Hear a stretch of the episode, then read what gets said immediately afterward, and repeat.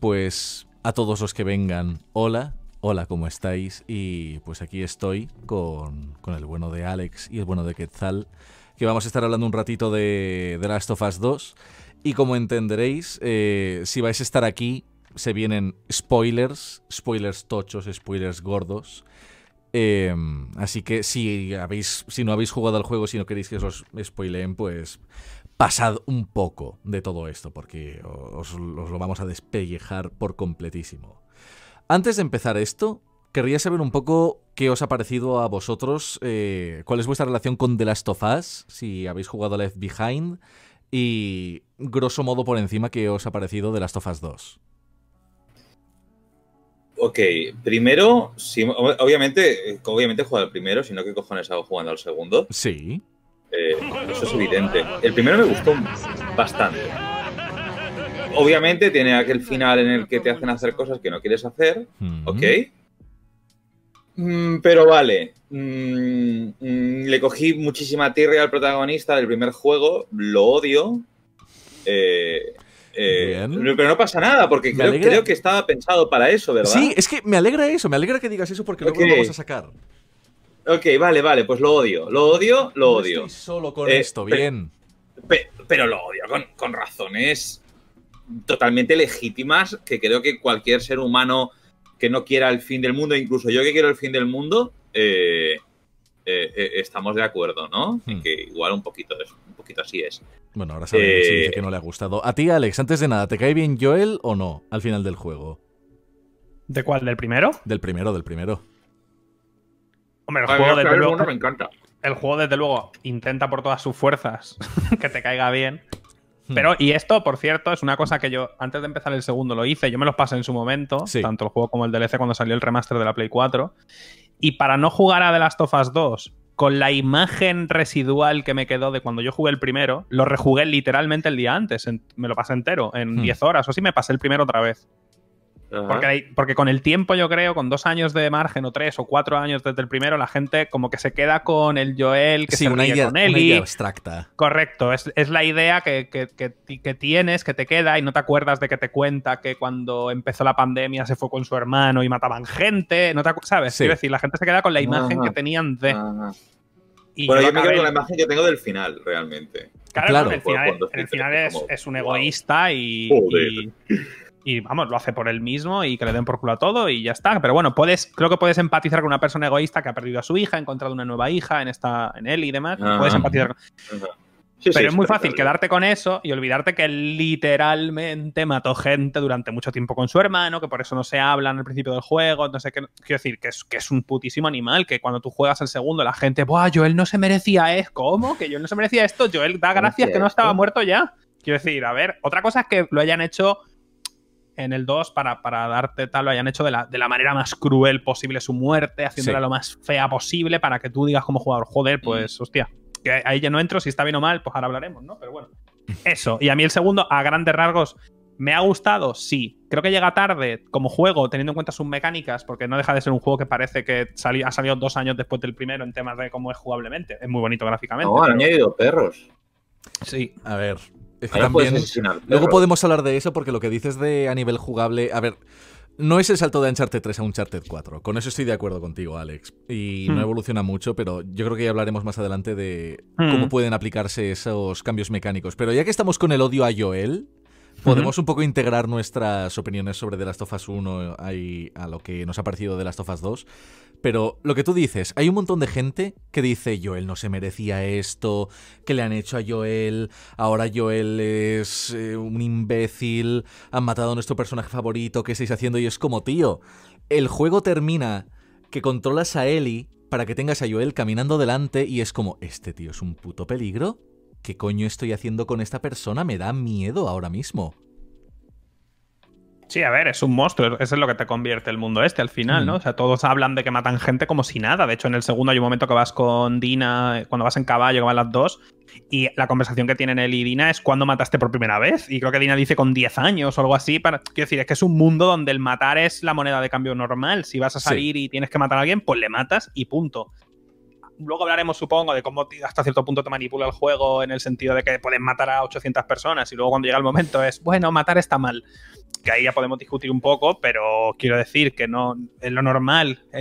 Ha habido mucha gente que ha dicho que bueno, que no es que le moleste que muera, sino que Joel, teniendo en cuenta que lleva 25 años sobreviviendo, no daría su nombre de una manera tan fácil a unos desconocidos. Bueno, no lo da él, lo da su hermano para empezar. Segundo, Mm. eh, se encuentran con, Sammy Henry. con Abby. Con, sí, bueno, y con Ah, Abby, bueno, sí. que, que la, que la encuentran en un momento donde hay zombies por en, bueno, zombies eh, infectados, por en Infectados. medio y salen corriendo, no pueden volver a su sitio y el único sitio disponible al que pueden volver se lo dice Abby, llegan corriendo. Cuando dejan las cosas, tú ves de fondo, pues, cuando Abby se acerca y empieza a hablar con sus compañeros, de fondo está el hermano y Joel diciendo, oye, cogemos nuestras cosas, cuatro cosas y nos vamos. Quiero decir, no pretendían tampoco quedarse. Pero bueno, también la gente habla de Joel como si le conociera de toda la vida. Joel no haría esto. Joel has estado con Joel 10 horas, lleva 25 años en el fin del mundo. Quiero decir que tampoco es tu mejor amigo, no sé. También lleva 5 años que está un poco ya más apalancado en esa zona, más tranquilo, más seguro, ¿no? Se siente Claro. un poco quizá más, más conectado con la gente, como que puede hablar más con gente, que no es en aquel momento que estaba encerrado en sí mismo. Claro, claro, es que se ve desde la primera cinemática, que no sé si os fijaríais, pero Joel en la primera cinemática que está como muy relajado, metiéndose el pulgar dentro del cinturón, es, es Joel padre, está relajado, es Mm. feliz, se ha olvidado de cómo se mata. No sé qué tal tú Mm, qué y por ideas eso, respecto. y por eso y por eso intentan que nos dé pena cuando le dan con el palo de golf. Y yo reconozco que la escena es durilla. Hmm. Sí, pero es durilla, sea Joel el que le están pegando, sea cualquiera. Es que es, es grotesca de Exacto, ver. es, exacto, es que está hecha para que te moleste visualmente. Por otro lado, a nivel moral, o sea, vale, si identificas a Joel como figura papi, ¿no? Porque, porque, porque no deja de, de estar casi siempre están pre- presentándolo como una figura paternal, ¿no? Hmm.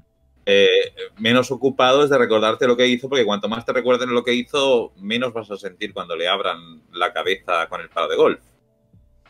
Eh, siempre fue un cabrón. eh, o sea, me gusta el juego en el sentido de que retrata un personaje que moralmente ha hecho cosas terribles, pero le dan esa especie de humanidad, ¿no? Es como. Sí, Es sí. como. Sí, bueno, no sé. Hannah Arendt estuvo en los juicios de, de Nuremberg Hmm. y escribió un libro sobre cómo Eichmann parecía una persona muy amable, muy simpática. Sí, precisamente Joel, a pesar de que le matan a golpes y el tío ha hecho lo que ha hecho, en todas las escenas en las que aparece, está como muy gentil, muy de, pues eso, esa energía de padre, esa amabilidad, sonrisa, con la guitarra. Y también con todo esto, que ya llegaremos, como has dicho tú, Alex, más adelante a lo de que se detiene con el último paso de su venganza, pero... eh, imagino que lo sabréis, visteis los trailers eh, y se nos ha engañado porque en un principio daba la sensación de que a quien iban a matar era a Dina. Ya desde el primer tráiler daba la sensación de que habían matado a Dina y Ellie se iba a vengar. Yo de hecho durante un tiempo creía que Joel iba a ser el villano. Y era como, bueno, tiene sentido por cómo ha acabado su relación. Eh, pero resulta que no. Había metido a Joel y Joel no está. Le matan en el juego final. ¿Qué os parece a vosotros que hayan hecho ese juego? ¿Cómo que no está? ¿Está todo el puto rato? Sí, no, no, no, no, pero me refiero en No, el... lleva. A de fondo. Sí, no, no es que esté de fondo, es que por ejemplo en un tráiler eh, aparecía Joel, cuando se reveló que. Joel iba a estar en, en el juego en plan está y es de los buenos, aparecía que le tapaba la boca a Ellie y le decía, creías que no iba a acompañarte, que no iba a estar contigo. Y es como, oh Dios, está Joel en la historia. Y resulta que en la escena final quien hace eso es Jesse, el chico asiático que es quien viene a rescatarla y Joel no está ahí porque ya está muerto. Y entonces hay mucha gente que se siente traicionada por eso, porque es como que les estaban prometiendo de no, Joel es un personaje central, va a estar ahí, va a ser muy importante, y de pronto llegas, Joel muere a la hora 2 de veintitantas, y a partir de ahí es Ellie y más adelante Abby. ¿Qué os parece a vosotros ese juego que se ha hecho de engaño? A mí no me han engañado porque yo no he visto los trailers. Lo único que vi del Ah. juego No, yo tampoco. La presentación del E3 cuando está bailando con Dina y se dan un beso. Hmm. Y la que enseñaron jugablemente que se veía a Ellie pasando entre. en un- como en un supermercado, que se veían las animaciones. Y ya está, yo no he visto nada más del juego. O sea, yo no esperaba nada. También digo, y esto es importante, Hmm. que tanto la primera vez que me pasó el juego como esta segunda antes del segundo, lo, lo- dije exactamente lo mismo. El final del uno para mí es perfecto, es ambiguo. Puede haber acabado de las dos maneras. Mientras no se resuelva de ninguna manera, ha acabado de las dos. Tanto se lo ha dicho como se lo ha dicho, le ha creído o no le ha creído. Totalmente. Y que para mí The Last of Us debería haber sido alguna clase de antología donde se van contando pequeñas historias en este mundo sin conexión ninguna. Esa es mi, lo que a mí yo habría preferido, para empezar. Mm. O sea, yo no necesito una segunda parte. Yo no necesito saber si Ellie ha crecido o no ha crecido, con quién está o deja de estar, porque me gustaba ese final, esa mirada. Y la última palabra que dice Ellie es Te creo. claro. No, porque dice, ¿te lo crees? No, ¿cómo era? Pero la última palabra es claro. Creo que dice claro. O algo así. ¿Estás bien? Mm. O algo así, ¿me crees? Claro. Y ya Mm. está. Y acaba. Y de hecho, luego cuando hablemos del final, diré lo que para mí habría sido el mejor final de este. Pero bueno, Ujú. teniendo en cuenta lo que se nos ha planteado. Pero a mí no me han mentido. O sea, no es, que, no es, no es como el juego que hicieron con Metal Gear Solid 2, Sí, por ejemplo. Yo no he, no he caído en esas redes porque literalmente no esperaba, no sabía nada del juego. O sea, entonces no sé. A mí me Yo ha gustado estaba, ¿eh? bueno. esperando más o menos. Estaba, oh, es una historia de venganza. Ah, es una historia Sí. de venganza. Oh, vale, van a matar a Joel, ok. ¿Sí? Y eso es lo, lo primero que pensé. ¿En Yo serio? también cuando mataron a Joel no me pilló por sorpresa, estaba esperando el momento. Yo De hecho, dije es más, a las dos En horas. el de momento en que aparece Abby por primera vez mirando ahí con los prismáticos, en plan el tío está aquí y tal, digo, ah, vale, claro, por supuesto, esta debe ser la hija del cirujano que viene a matar a Joel. ¿Y tú? Yo no- tal cual. Yo tan específico no, pero yo sí estaba en directo y a Sí. las pocas horas de empezar dije, ok, vale, esta tía va a matar a Joel y el juego va a ser que vamos a ir detrás de ella a matarla. Eso dije a las dos horas de directo o algo así, sin saberlo todavía. Yo a la, o a hora, yo lo a la hora y, pensé- a la hora y poco. Comprendo. Yo lo pensé rápido y además, además pensé, y seguro, no, no, no dije es la hija del, del cirujano. Ah, yo dije, Digo, era un- estoy seguro Es una de que el cirujano que te cargaste en el primer juego, A ver, que eso, ya cuando empieza la escena- con este grupo. Sí. Ya cuando empieza la escena sí que es un poco más fácil entender de, vale, debe ser la hija de alguien involucrado con el Hospital de las Luciérnagas. Yo debo ser el Mm. único imbécil. Primero, no me sorprendió tanto porque me comí el spoiler, literal. Ya me había comido el spoiler de la muerte de Joel, pero me había olvidado. Y justo el mismo día en que empecé a jugar el juego me comí el spoiler otra vez y fue como, mierda. Pero si no, Ah, os juro que yo no lo habría visto Pero venir. pero ya- Ah, sí. Pues a Sí. mí me, a mí Y me gusta pasó- eso, a mí, me, a mí me mola que... te sorprendan con eso. Que sea como, creías que iba a ser Abby, pero uh, es Joel. Te sientes súper traicionado, te sientes como, como Ellie. Incluso si lo ves un poco Ah. venir, es como, hey, te ponen en, en el mindset. Yo lo estuve pensando desde que se anunció el juego. Comprendo, Eh, comprendo. Cuando ya, dijeron, cuando ya dijeron que el tema era la venganza, dije, pues por supuesto que Joel, Joel va a pillar rápido. Y cuando vi que se acercaban esos al pueblo y encima decían, ay, no sé qué, ay, está embarazada, ¿sabes? Plan, ah, genial, mira, ya están intentándome empatizar, haciéndome empatizar con los villanos. Sí. Muy bien, veo lo que estás haciendo, Neil Druckmann. Eh, Como habría eh, molado que, se les este- fuera la, que- que se les fuera la putísima cabeza a los de Naughty Dog y por algún motivo me tiran viajes en el tiempo y luego resulta que Dina es la madre de Joel o algo así. Me partí, es que me muero, tío. Me habría reído. Pero bueno, ¿Pero por qué dices esto? ¿Qué- no qué- sé, me habría, hecho muchísima, me habría hecho muchísima gracia, no sé, como, como la gente dice que se les ha ido la olla y demás con el tema de cómo han contado la historia. Digo, sería, ¿tú te imaginas que de repente al final Buah. encuentran una máquina del tiempo, tío? A tope. Y es, la madre, y es la madre de Joel y al final Ellie es una figura materna para, para Joel de pequeño. Joder, Es, cómo me es habría tan reído. gilipollas, es tan Es que me habría gilipollas que lo compro. Pero, pero ¿por qué? Pero, pero ¿por qué tonterías así? Yo, a mí- Joder. yo digo, yo, yo estaba, yo entraba en el podcast en plan, haz- no hagas lo de siempre y no empieces a sugerir tonterías. A ver, y ahora esto- me estás tirando, pero este Quetzal, camino, Quetzal, y- esto es un podcast. Se sugieren llegado a un punto tonterías. Pero Claro. ahora, ahora se vuelve a la ruta. Ahora se vuelve a la ruta. pero súper súper rápido. No, no, no, no, porque yo tengo un montón de sugerencias. Pues, pues, estúpidas. pues adelante. Eh, sugerencias estúpidas, número uno. ¿Cuál es? Haznos el pitch. Eh, Ahora mismo no las. O sea, me, me, me, me sugiero mientras jugaba al juego. Sí. Estoy, estoy seguro de que, de, que, de que podría haber idiotizado esto. No Lo que no había pensado era viajes en el tiempo. Yo había pensado un poquito, un poquito más de. Más, más como que te pongan una fila de niños, ¿sabes? Ah, y tienes que ir Y te hagan matándolos. cuadrado para abrirles la cabeza para que veas que la violencia está mal, ¿sabes? Pues si no te quedas enterado, Sí. ¿sabes? En plan. en plan, Este, este juego tiene un mensaje. Tiene un mensaje que es. El mensaje es el siguiente. Hace unos años inventó un término para definir una cosa. ¿No? Disonancia ludonarrativa. Yo no, yo no lo he dicho. Sí. Y- ya, y pero, pero, y la pero ibas hacia allá. La moraleja del juego es. Lo sabemos y nos la suda. Por cierto, en Uncharted 5, eh, si es que sale algún día, sí, vamos a seguir rompiendo los cuellos de todos los enemigos en sigilo. Todos. Sí. No, no, no, el de- asesino de, Nathan Drake. Lo de Uncharted 4. Uncharted 4 me parecía que, a pesar de que no me gustaba cómo estaba llevado, quizá me convence más el cómo estaba llevado. Pero, por ejemplo, con lo de al principio que están con. Ay, está embarazada y todo eso, a mí me daba igual. Era como, vale, son personajes que están ahí. Y jugué otra vez después de pasarme el juego la introducción. Para ver si pillaba cosas nuevas. Y sí que era una de mencionan a Manny, a Mel, y es como, ¡ey! Te los están construyendo ahí desde el principio, que es como obvio, pero no sé. De todos modos, también, esta es una conversación que tú y yo habíamos tenido hace un tiempo, Quetzal, pero no sé si tú coincidirás con esto, Alex. Nos daba la sensación de que el juego es más lento. También dura el doble que el original, pero... Ya. Y es rítmico. Hmm. ¿No, ¿No te parece? Yo creo que lo comenté también en directo. Digo, me da la sensación. A mí me gusta Abby, me gusta ver eh, otro grupo de supervivientes en Sí. otra ciudad, que se ha creado un nuevo, como un nuevo gobierno, digamos, con facción. Me gusta ver, vale, me gusta, me gusta como concepto, porque tiene sentido en el- la super, vale, me gusta.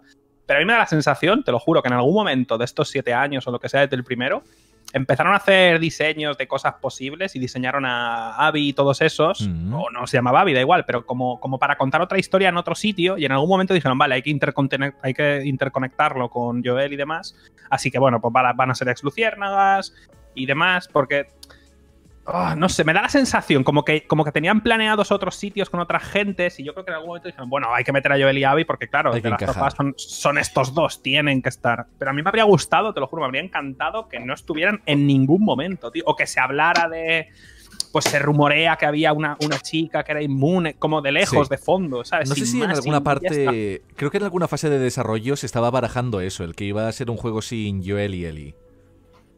Y Que sería me habría gustado historias. mucho más, pero claro, la gente. Podría, podría haber sido más interesante. Se habrían vuelto locos. Yo, con respecto a la trama y la historia Sí. y, y lo de que es más largo y más lento, mm, tengo que decir que y le fui cogiendo más gusto al juego, o sea, al revés, le fui cogiendo más gusto cuanto más avanzaba, Hmm.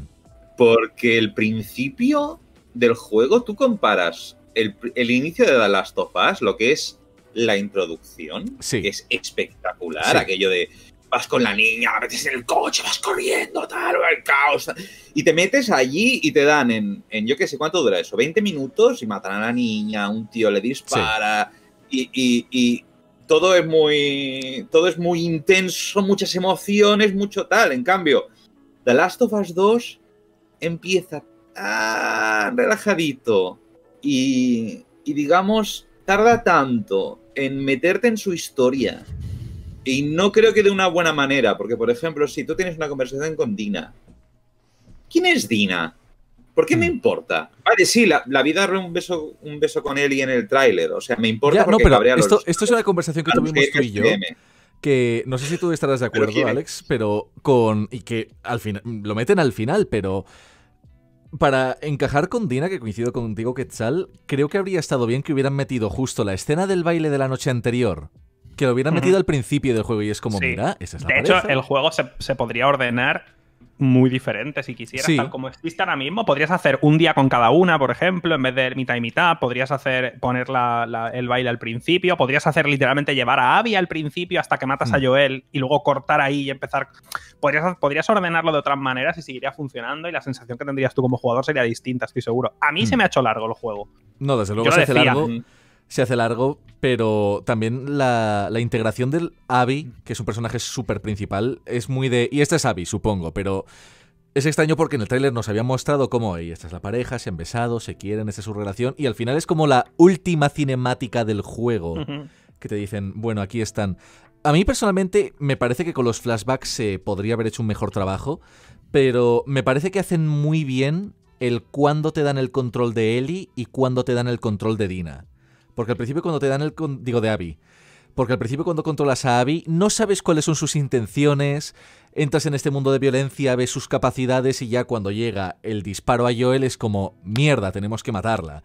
Y luego cuando has pasado los tres días de Seattle y te dan la marcha atrás para que controles a Abby, es como, vamos a relacionarte con ella y por eso cuando te enfrentas a Ellie en el teatro controlas a Abby.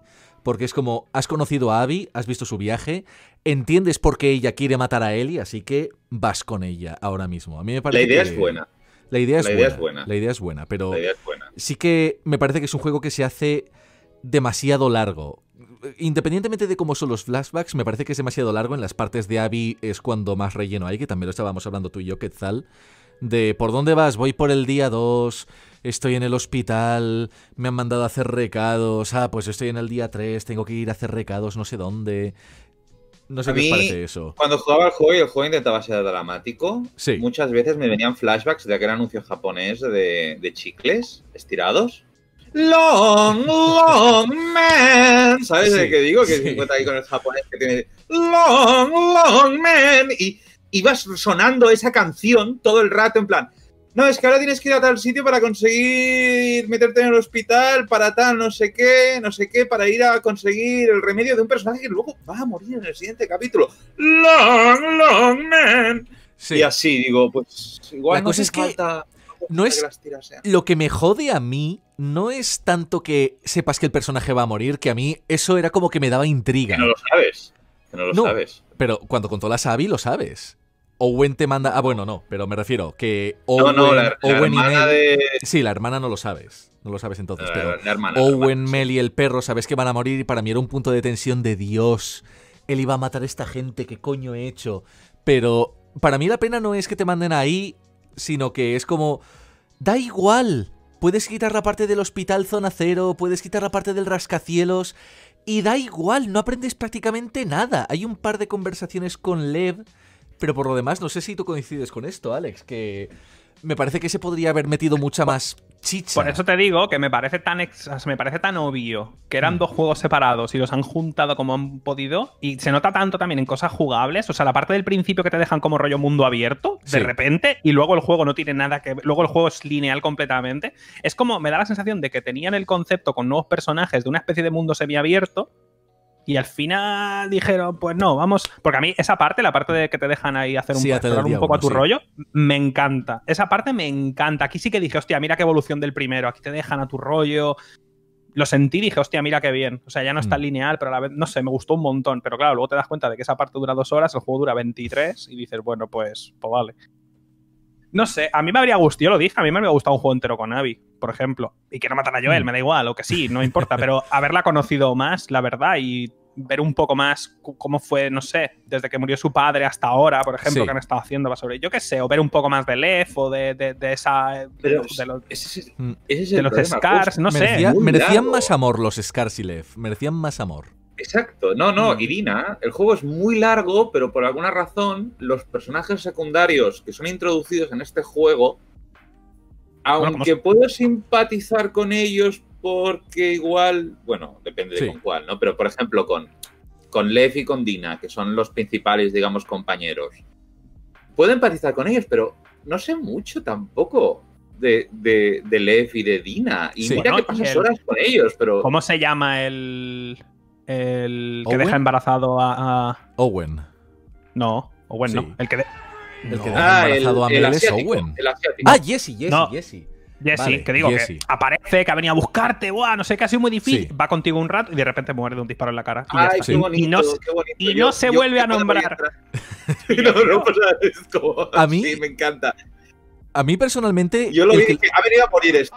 Ha venido a morir este personaje. A mí personalmente el que los personajes. El que los personajes mueran así me mola muchísimo. Me pone muy cachondo. Eso me gusta porque es muy Sí. crudo, es muy real. O sea, Es sería muy así, por muy amigo que fuera tuyo alguien, en el fin del mundo, un disparo y se acabó. Y todo Sí. lo que era y lo que sería. Y... Pero sí que es cierto que suerte. Jesse se le da muy poco amor también. Nada, o sea, y me, me habría gustado esa dinámica de un poco de, de- de- de trío en el sentido de que los dos le, le gusta esta mu- o tienen cierto, Sí. yo no sé, investment en esta persona, en Dina, y cómo pueden llevar esa relación y demás, de arriesgarse unos por otros. No lo sé, pero es que aparece y se muere. Y ya está. Y no sin sé. embargo, ¿alguien esperaba que este, que este muchacho fuera a durar más de dos capítulos? No, no, no, que va. En cuanto aparece, yo creo que lo dije también, dije, este pavo va a durar lo que yo te diga, pero es tan. No sé, es una pena porque me habría gustado ver Sí. un poco más. Además, Sí, se ve que el tío tiene que su propia iniciativa, que, que se separa, Hmm. que va contigo y se separa para ir a buscar a Tommy. que Claro, te claro, dice- claro. Durante todo el tiene- día 2 está Claro. contigo y es como, hey, un momento para. Pero, pero no, sí que es cierto que Jesse está ahí un poco por encima. Y joder, se podría tener y una solo- relación muy interesante de.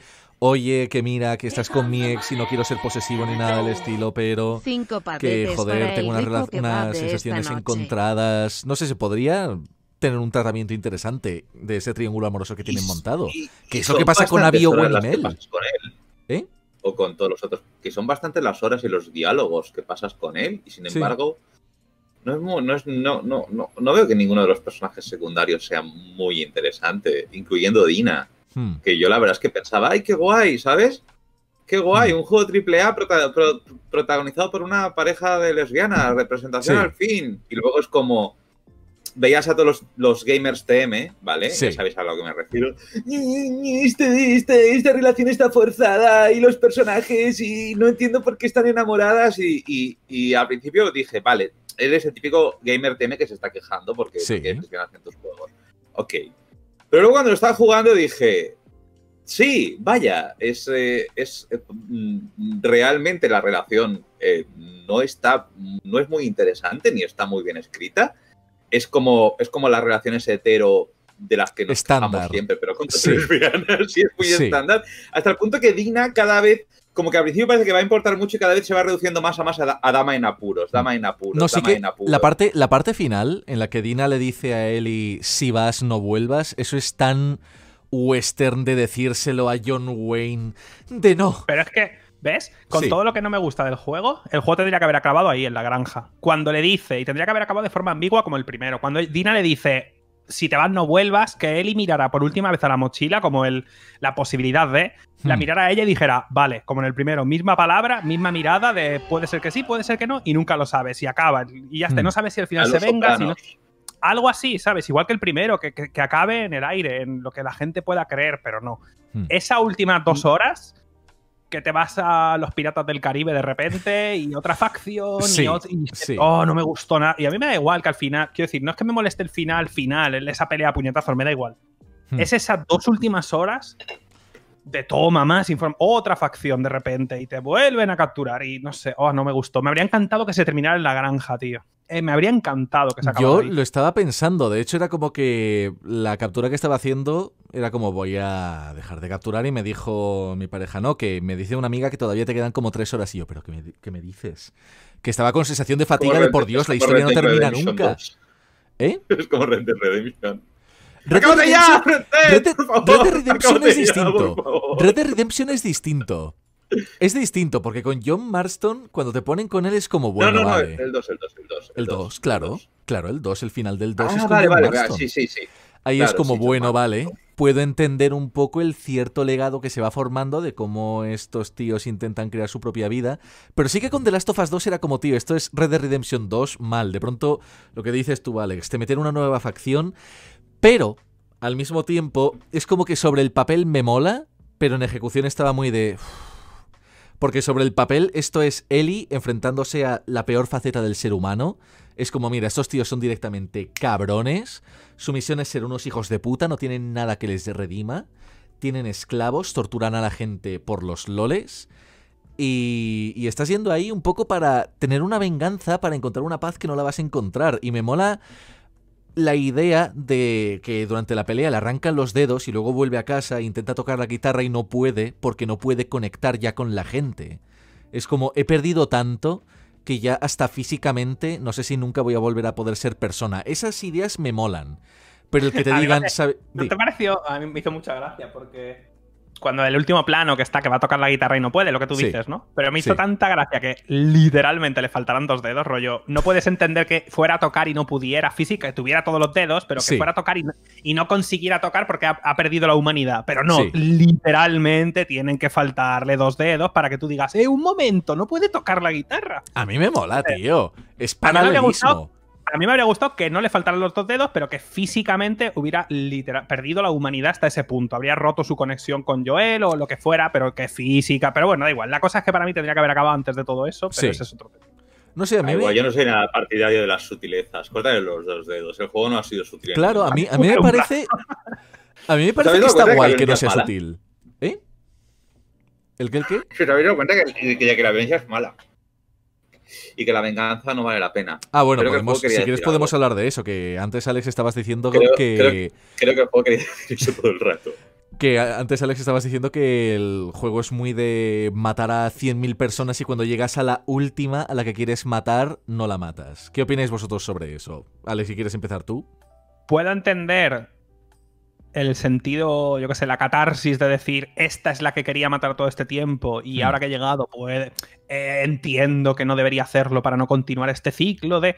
Lo puedo entender porque es lo que quieren hacerte pensar, pero es que jugablemente me he pasado 5 horas matando peña como si fueran basura. O sea que literalmente la pava esa que está jugando a la PS Vita, que eso es otro tema, pero da igual, Sí. que te viene y ves una mujer ahí y le clavas un cuchillo en el cuello y la escuchas respirar por su vida y no pasa nada y te ríes. Mira una pesevita. Rollo, no sé, pero luego llega ese momento, no sé, es que ah, La chica, la chica de la PS Vita, en defensa de la escena de la chica de la PS Vita, diré que la chica de la PS Vita intenta matar a Ellie antes de que Ah, ella no, le clave el no, cuchillo. claro, no, si toda la gente que tú te cargas, te- a Sí. ver, para matarte si no, si eso está claro. Sí. A ver, pero es que lo merece por estar usando la PS Vita en el postapocalipsis. Es que a qué va a jugar. Más, más que eso, yo entiendo que la chica de la PS Vita eh, sea, esté ahí en un ejército militarista porque es como, mira, si lo único que tienes es la PS Vita, yo también me desesperaría. Yo también me volvería violento. Sí. Pero... No están- y además, rejugando el primero, Sí. justo el día antes. Algo que me gusta del primero, que por cierto, rejugándolo también, no sé, la gente habla de los personajes del primero como si fueran Cristo, pero está él y Joel y ya, te encuentras Ya, al es, pavo. es lo que os iba a decir antes de los personajes secundarios, que es como, vale, sí, los secundarios, Jesse no está muy bien hecho, Dina no está muy bien hecha, pero ¿los secundarios del original eran tan tremendos? Que no, en el- Claro. que además No, pero nada, tenías está- la chica aquella, ¿Qué, chi- qué chica? la que te acompañó durante la primera mitad del Tess. juego. Que primera mitad te acompaña. Te, acom- Jess te acompaña hora y no llega a hora y media. No, no, no, no, desde que sales de la ciudad te muere enseguida. Te muere enseguida. Ah, y luego llegas al pueblo, está el tío ese que está solo con trampas, que estás una hora con él. Sí. Y luego conoces a su hermano y no lo vuelves a ver y ya está. Que vale, que no pasa nada, si no me importa, pero que hablan de los personajes secundarios de este como si los del primero fueran lo La mejor que se ha escrito nunca y Sí. están de fondo y ya está. Pero bueno, rejugando el primero, algo que me gusta del primero y que en este no existe, es que en el primero al menos hay un atisbo de esperanza, una luz, es el lema de las luciérnagas al final, Sí. ¿no? Busca la luz en la oscuridad. Como que Eli es esa luz, es esa posibilidad de, de un mundo mejor, de la cura. Y en este es que no hay luz por ninguna parte, es todo Hmm. oscuro, ya no se habla ni de la cura, porque el- se habla de que le quitó a Eli pues lo, para lo que había nacido, básicamente, para lo que existía, ¿no? Que era la cura de la humanidad, su Sí. propósito en la vida, y ahora ya pues no, no queda nada de aquello, pero es que no hay nada de, de- de luz en este mundo. O sea, si haces un The Last of Us 3, ¿qué vas a hacer ya? Quiero decir, es que no, ¿Vosotros creéis que va a haber un The Last of sí. Us 3? no lo creo No. durante mucho, mucho, mucho tiempo, lo veo Es que- imposible. Es que yo no lo creo. La gente está diciendo, parece que va a haber un The Last of Us 3 por cómo termina. Y es como, tío, la historia no podría No. terminar más cerrada. Está cerradísima. No sé. Ya, Siempre bueno. te puedes inventar algo con Abby. Ya, a ver, para- el sea, futuro, sí. pero Y sí, la está. primera de Last of Us 1 también terminaba muy cerrado, pero con lo que tú dices, Alex, que quizá ahora habla si te he interrumpido, lo siento, pero con lo que tú dices de que esta vez no hay ninguna, ninguna luz, aquí yo es cuando saco Hotline Miami, que precisamente la chica de la PS Vita está jugando a Hotline Miami, y el primer Mm. Hotline Miami lo que te dice es, ¿te gusta hacer daño a la gente? Y es como, vale, el juego va a discutir eso. Y el segundo juego, Hotline Miami 2, lo que dice es, vale, te gusta hacer daño a la gente, por eso estamos aquí. Vamos a ver qué causa da- hacer daño a la gente. Y por eso el final de Hotline Miami 2 es súper nihilista, autodestructivo, bomba atómica, nadie sobrevive, la vida es una puta mierda, drogas. Y con este creo que es un poco lo Sí, mismo. tampoco me gustó. Tampoco A me mí- gustó Hotline Miami 2, me pasa lo mismo. Hotline Miami 2 eh, no es tan bueno como el primero, pero me parece que me gusta el cómo intenta explorar esas ideas de, de acuerdo. La violencia nos atrae, vamos a ver hacia dónde nos lleva eso. Yo creo que con esto es lo mismo. Del primero era ese buscar la luz en la oscuridad y terminar con esa creencia de puede salvarse la humanidad y en el segundo es como, vale, no, digamos que no. Digamos que no se va a salvar la humanidad porque Ellie no se ha sacrificado. Qué Así humanidad que, también. ¿Qué claro. humanidad queda, sabes? O sea, si ya Claro, no claro, hay- claro. Así que, Y- quedando esta humanidad, viviendo en esa sociedad, ¿qué es lo que puedes hacer? Y por eso es más oscuro, porque ya estamos en la timeline mala. Vale, pero a mí, emocionalmente, me afecta muchísimo más el primero, precisamente por el hecho de que hay esperanza, que el segundo. Sí, Yo digo, yo, al principio de este juego, no lo pienso tanto del final, pero al principio, y, y- y lo sigo pensando un poco, creo que tiene un poquito el complejo de The Walking Dead. Hmm, complejo de The Walking Dead es, vamos a intentar hacer que el drama sea dramático por virtud de ser lo más salvaje posible. ¿Sabes? Pasar nuestros pueblos. Estas, estas muertes brutales, tal. A ver, eh, la escena del palo de golf, ¿quién no se ha acordado de. de- Andrew Ryan. Yo, no- yo ya no estaba viendo The Walking Dead, pero el pavo con el, con el Ah, bate de béisbol este. yo estaba pensando eh, en Bioshock. hablaba. Y no, yo estaba pensando en, en, en, en The Walking Dead, en plan, En "Eh, Negan, ahora sí. voy a cargar a- ¡ya!". Y, Sí. y- y- y- e intentar enfatizar tanto la violencia de las muertes, pero al haber despojado al mundo de toda posibilidad de redención o de felicidad o de tal, al hacer que sea tan negativo, tan oscuro, tan oscuro, llega un momento en el que te deja de afectar un poco, por lo menos a, a mí. Es Hmm. como necesitas un poquito de luz para que las- la sombra se note. Si está todo oscuro, directamente acabas por no ver nada. Y a mí el juego sí que creo que tiene sus momentos en los que intenta dar levedad o dar un punto de luz. Ah, mira, nos hemos encontrado marihuana, y vamos a fumar porros. Eh, pero es que son tan pocas cosas, son tan pocas Ya, cosas. La tienda de música de la zona abierta. Sí, hay, como exacto. puntos así súper guays, pero es que. O sea, para mí, para mí yo, yo veo este juego y para mí la máxima luz es una plantación de marihuana. Hmm. ¿Sabes? Pero bueno, por lo menos tiene una plantación de marihuana. Sí, ¿no? lo que de, hecho, de hecho, momentos bonitos y tal. El flashback con Joel, cuando le da El museo. la cinta El y demás, el museo. Sí, Sí. sí, eso está bien. Pero. Pero eh, sí, no sé. son o, muy cortos o, o son muy flashbacks o son sí. ¿Te acuerdas de aquella vida mejor? Pues olvídate de ella. Y, y hasta el punto en que ya acabas un poco ya agotado. Además, el juego es muy largo y muy. James Sterling lo llama Pow-faced. No sé cómo se dice en castellano. Pero esto se toma a sí mismo muy en serio. Sí. Está muy convencido de, de- de- de- de- de lo profundo y serio que es. ¿Se cree Tarkovsky? Eh, o, Y que tiene que hacer esta obra inmensa. De los videojuegos. Sí, ¿Eh? sí. Y, y- y no lo es, no lo es. no lo Es verdad, y Es- eso es también es verdad que lo, lo dice Jim Sterling en el vídeo y me parece que. O sea, yo pensé lo mismo. Creo que lo dije también en algún directo o algo así, porque dije, joder, yo qué sé, el plano cuando Eli está en el. Cuando vuelve al- a la base esa que tiene, en el, el teatro.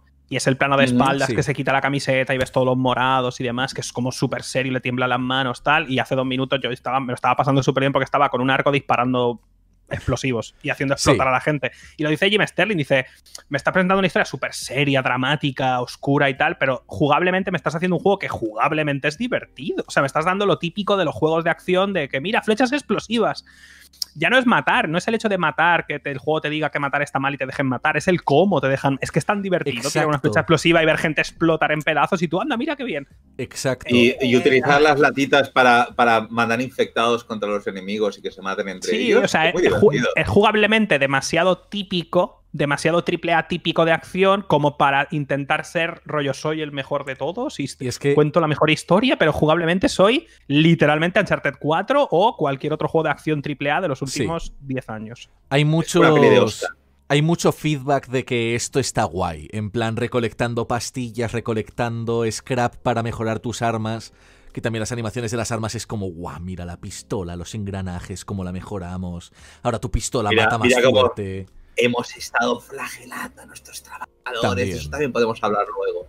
También, Eh, no, nos, no, no nos olvidemos, no nos olvidemos de la, de la pequeña cuestión de la explotación laboral. Sí. Eh, Pero sí que, sí que coincido, antes de pasar ya al siguiente tema, que creo que también, hablando, continuando con hablar de la ambición del juego, podemos hablar del crunch. Pero sí que coincido con vosotros dos en que este juego hay, pues lo dicho, una disonancia de, de que no sabe que cuando cogemos el mando lo que nos está diciendo que que se esfuerza mucho, se esfuerza mucho en hacerlo desagradable. Cuando le pegas un tiro a alguien es como, uy, le he reventado el cerebro. sí, Y gritan gritan. y se ahogan en su Claro. sangre. y- Es, sí. es como y dicen el violento nombre cada vez. Sí, sí, sí. ¡Oh, también. Mary! ¡Oh, Joseph! Sí, ¡Oh! Hasta hasta el momento que dices, me lo haces, ¿sabes? Si me lo esparces por el juego, vale, pero si cada enemigo que encuentran dicen su nombre, ya hay el punto que ya directamente me parecen NPCs de Fallout, ¿sabes? Hmm. Bueno. No, no. Aquí, aquí es un poco, eh, al menos para mí, salvar al soldado Ryan. Porque salvar al soldado Ryan quería mostrarte también los horrores de la guerra y la muerte y todo eso. ¿Sabéis cuál es una de las películas más copiadas de la historia del videojuego, Salvar al soldado Ryan? ¿Y cuál es uno de mis tiroteos Totalmente. favoritos? El desembarco de Normandía de Salvar al Soldado Ryan. Porque, quieras que no, Spielberg hizo unos putos tiroteos que son la hostia. La defensa final de Salvar al Soldado Ryan es todo lo cruenta que quieras, pero joder, cómo me gusta ver al tío ese apuñalado.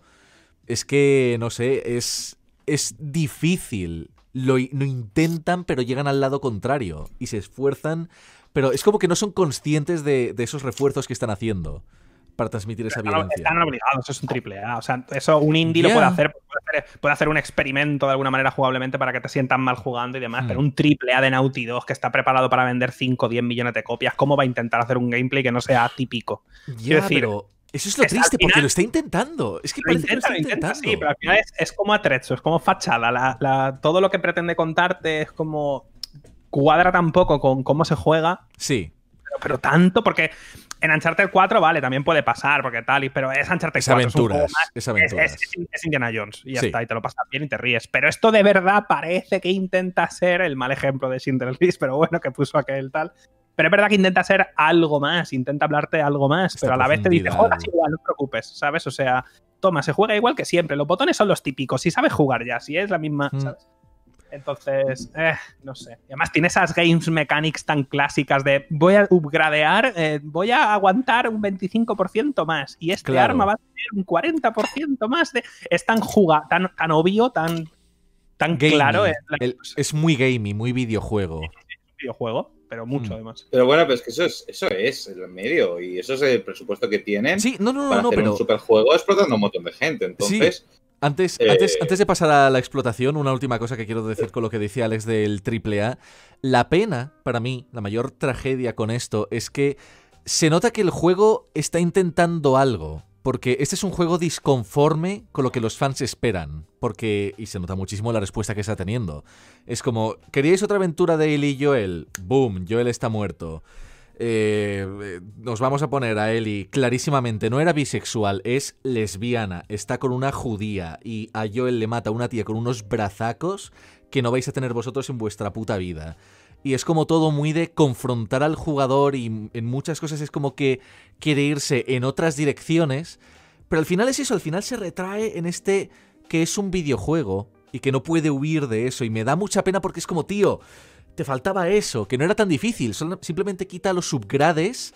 Yo creo que si simplemente quitas los subgrades y, y el crafteo, que también sería menos de las tofas, supongo, pero Ah, y el crafteo todavía más. puede tener sentido en un mundo postapocalíptico, Sí. pero que tomando pastillas tu personaje sea más fuerte por algún motivo. Rollo, claro, claro. 25% más de vida. Craftear lo puedo entender, porque bueno, es un juego de es un mundo donde la supervivencia es algo que, se, que vale la pena y demás. Hmm.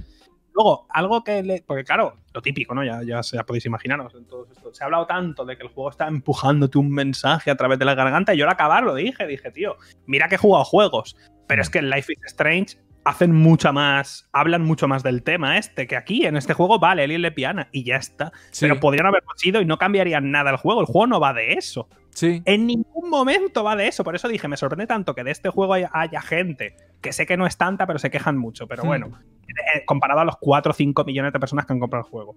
Pero es un juego en el que realmente no hablan del tema en ningún momento. O sea, quiero decir, quitando el Sí. viejo del principio, que demás, vale, es un viejo blanco, eh, tal, que les eche- les- les- se queja de ellas en el bar. Pero que no es un juego que haga hincapié en eso, en ningún. ¿Sabes? Porque yo habría. Podría entender que alguien dijera, mira, a mí me gustó mucho el primero y en este juego, en vez de hablar de la supervivencia en este mundo post-apocalíptico, estás 25 horas debatiendo con un hombre blanco sobre si la sexualidad es importante en un mundo, Sí. ¿sabes? Vale. Pero es que no va de eso el juego. Si no pasa, o sea, quiero decir, no importa en absoluto. Yo ahí creo que lo que pasa es que The Last of Us es una superproducción de perfil muy, muy, muy alto, mientras que Life is Strange es un doble A. Creo que por eso ha habido tanto, tanto ataque a The Last of Us, porque es un titán, es el buque insignia de Sony, mientras que Life is Strange podría no existir y Sony no... Me habría encantado ver la, la sensación general de la gente si no hubieran ocurrido los, los leaks. Porque los leaks le han hecho un daño a este juego que está muy encima de la media. Porque no es solo que hayan hecho un spoiler de la historia, es cómo se han hecho esos spoilers. Cómo la, porque yo los he visto a posteriori, lo que Sí. la gente decía. Y ves, ves leaks que literalmente están mal, hablan de cosas de la historia que no Se cuadran, te resumen mierdas, se decía que Abby era trans y me lo colaron. y ya está. Eso, eso es lo pero que diría que ya que. Se- la gente creía en un principio que Abby era trans.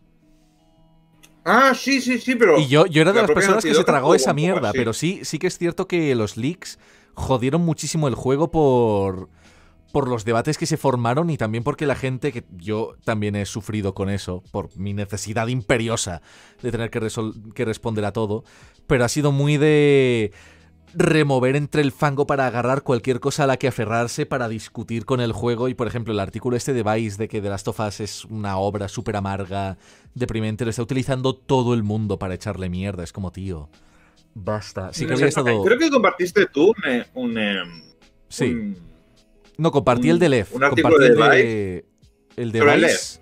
El de Vice es posible que lo compartiera porque es como, hey, está guay que haya que con un Prestige triple A superproducción me mola Mm. que haya un análisis que sea negativo. Simplemente por la variedad de opiniones, pero también compartí el de Lev. Eh, sí, el de Lev. mm, mm, no, estoy, no estoy muy de acuerdo con ese artículo. eh, porque me parece que el argumento principal que utilizaba, y lo entiendo, o sea, Sí. es lícito, legítimo, es que.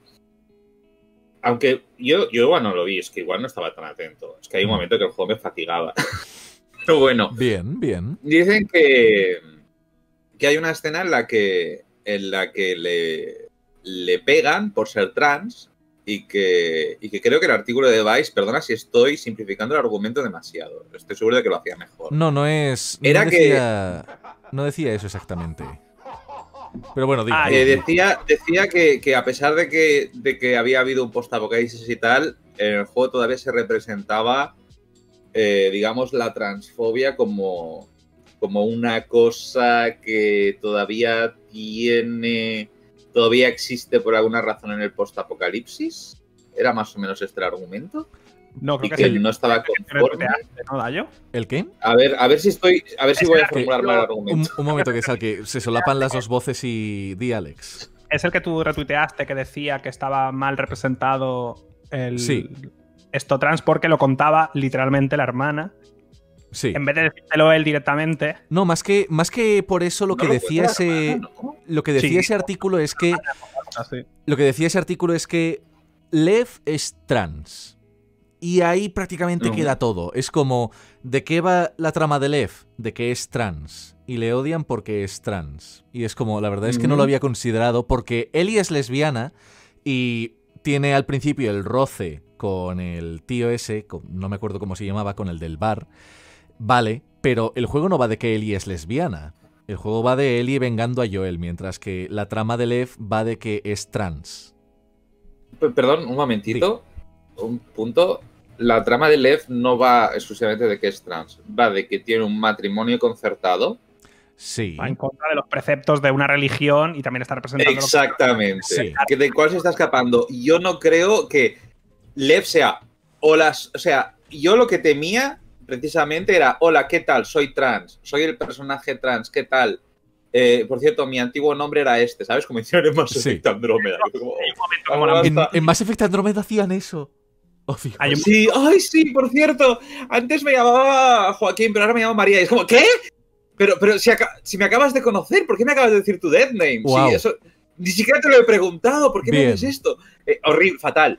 Yo, o, o me acuerdo que también en, un, eh, en uno de estos RPGs cenitales, no me acuerdo cuál, pusieron un personaje Sí. trans y la gente se enfadó hace, hace, hace años ya de esto.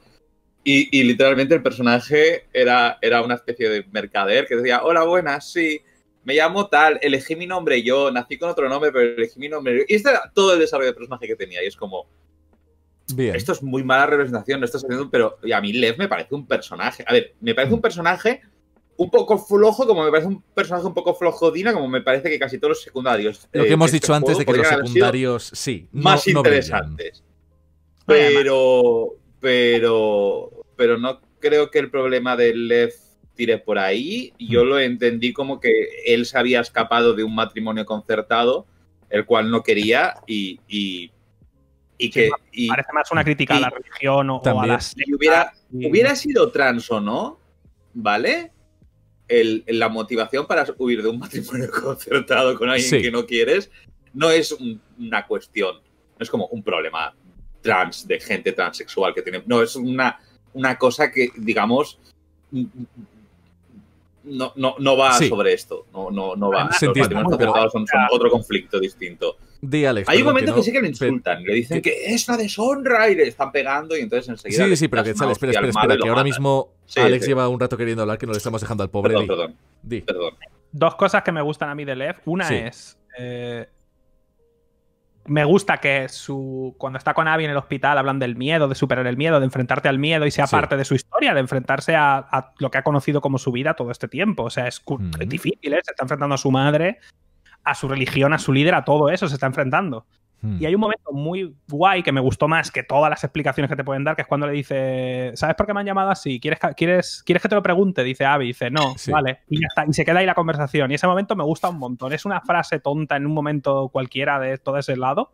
Hmm. Y ese momento me gustó más que, que luego te dijera la hermana, un momento, Lev era, ¿sabes? Quiero decir, Sí, ese pequeño momento, es, esas dos frases, ¿quieres que hablemos de ello? No. Vale, y ya está, ¿sabes? Eso me gustó un montón más. Y que, joder, a ver, me, me parece que está mejor desarrollado Lev que Dina, pero por mucho. Al menos tiene una motivación, te ayuda a enfrentarte al miedo, que es lo que él está haciendo todo este tiempo. No a sé. ver, también, también con Lev estamos descubriendo toda esta nueva cultura y Mm. quizá por eso también Lev da la sensación de que tiene más chicha.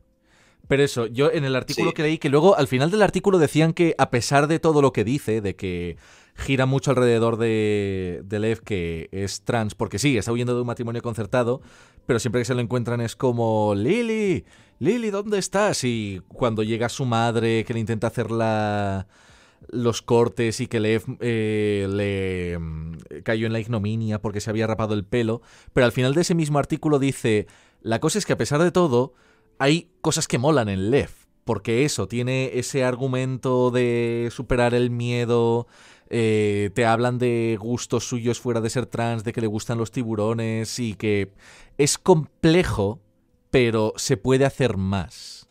Pero sí que es cierto que con Lev, a través de él, conocemos a los serafitas, conocemos a todo esto.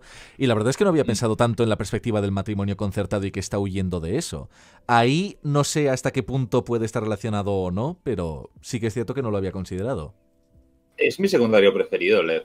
Dentro de que ninguno de los secundarios me ha apasionado. Es que es muy heredero de eh, si, sacan, si sacan 2.0. un DLC o algo así, un Left Behind, Sí, a mí me gustaría jugarlo con Lev. Han dicho que no, por cierto. Han dicho que no va a haber Ah. DLC. bien. Bueno, bueno, Es pues- que, ¿de qué vas a sacar el DLC?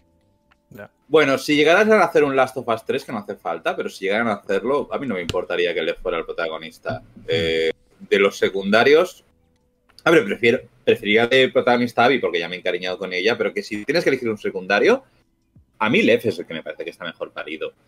Hmm. Eh, Dina me decepcionó un poco porque al principio no hay muchos diálogos relevantes, luego tenéis la escena bonita ahí en el, en el, La tienda de en, música. el- en- en la tienda de música y en el, y en el fumadero y tal, pero Sí, fumadero, la, la plantación. eh, eh, sí, pero al final no me he quedado con mucho de quién es ella y de, de cuáles ¿Qué son le hace sus funcionar? preocupaciones más íntimas y tal. Sí. en cambio, a Lev, a Lev ¿Qué sí que, sabes- sí que qué sabes de Dina? de. ¿Qué sabes? Que está embarazada y que es novia de Eli. Ya está. Eso es lo que Sí, que sabes de ella, ¿eh? Sí que es simpática. Porque le sabes cosas, al menos, sabes cosas que le gustan, Sí. que tiene miedo, yo qué sé, algo sabes de él, pero ¿qué sabes de Dina? Que está embarazada y, y es la novia de Eli, y ya está. Y dice, Y, bueno. y que es una dama en apuros porque la acaban, la acaban dejando allí. Hay un momento en que la historia se cansa de ella y dice, bueno, quédate aquí.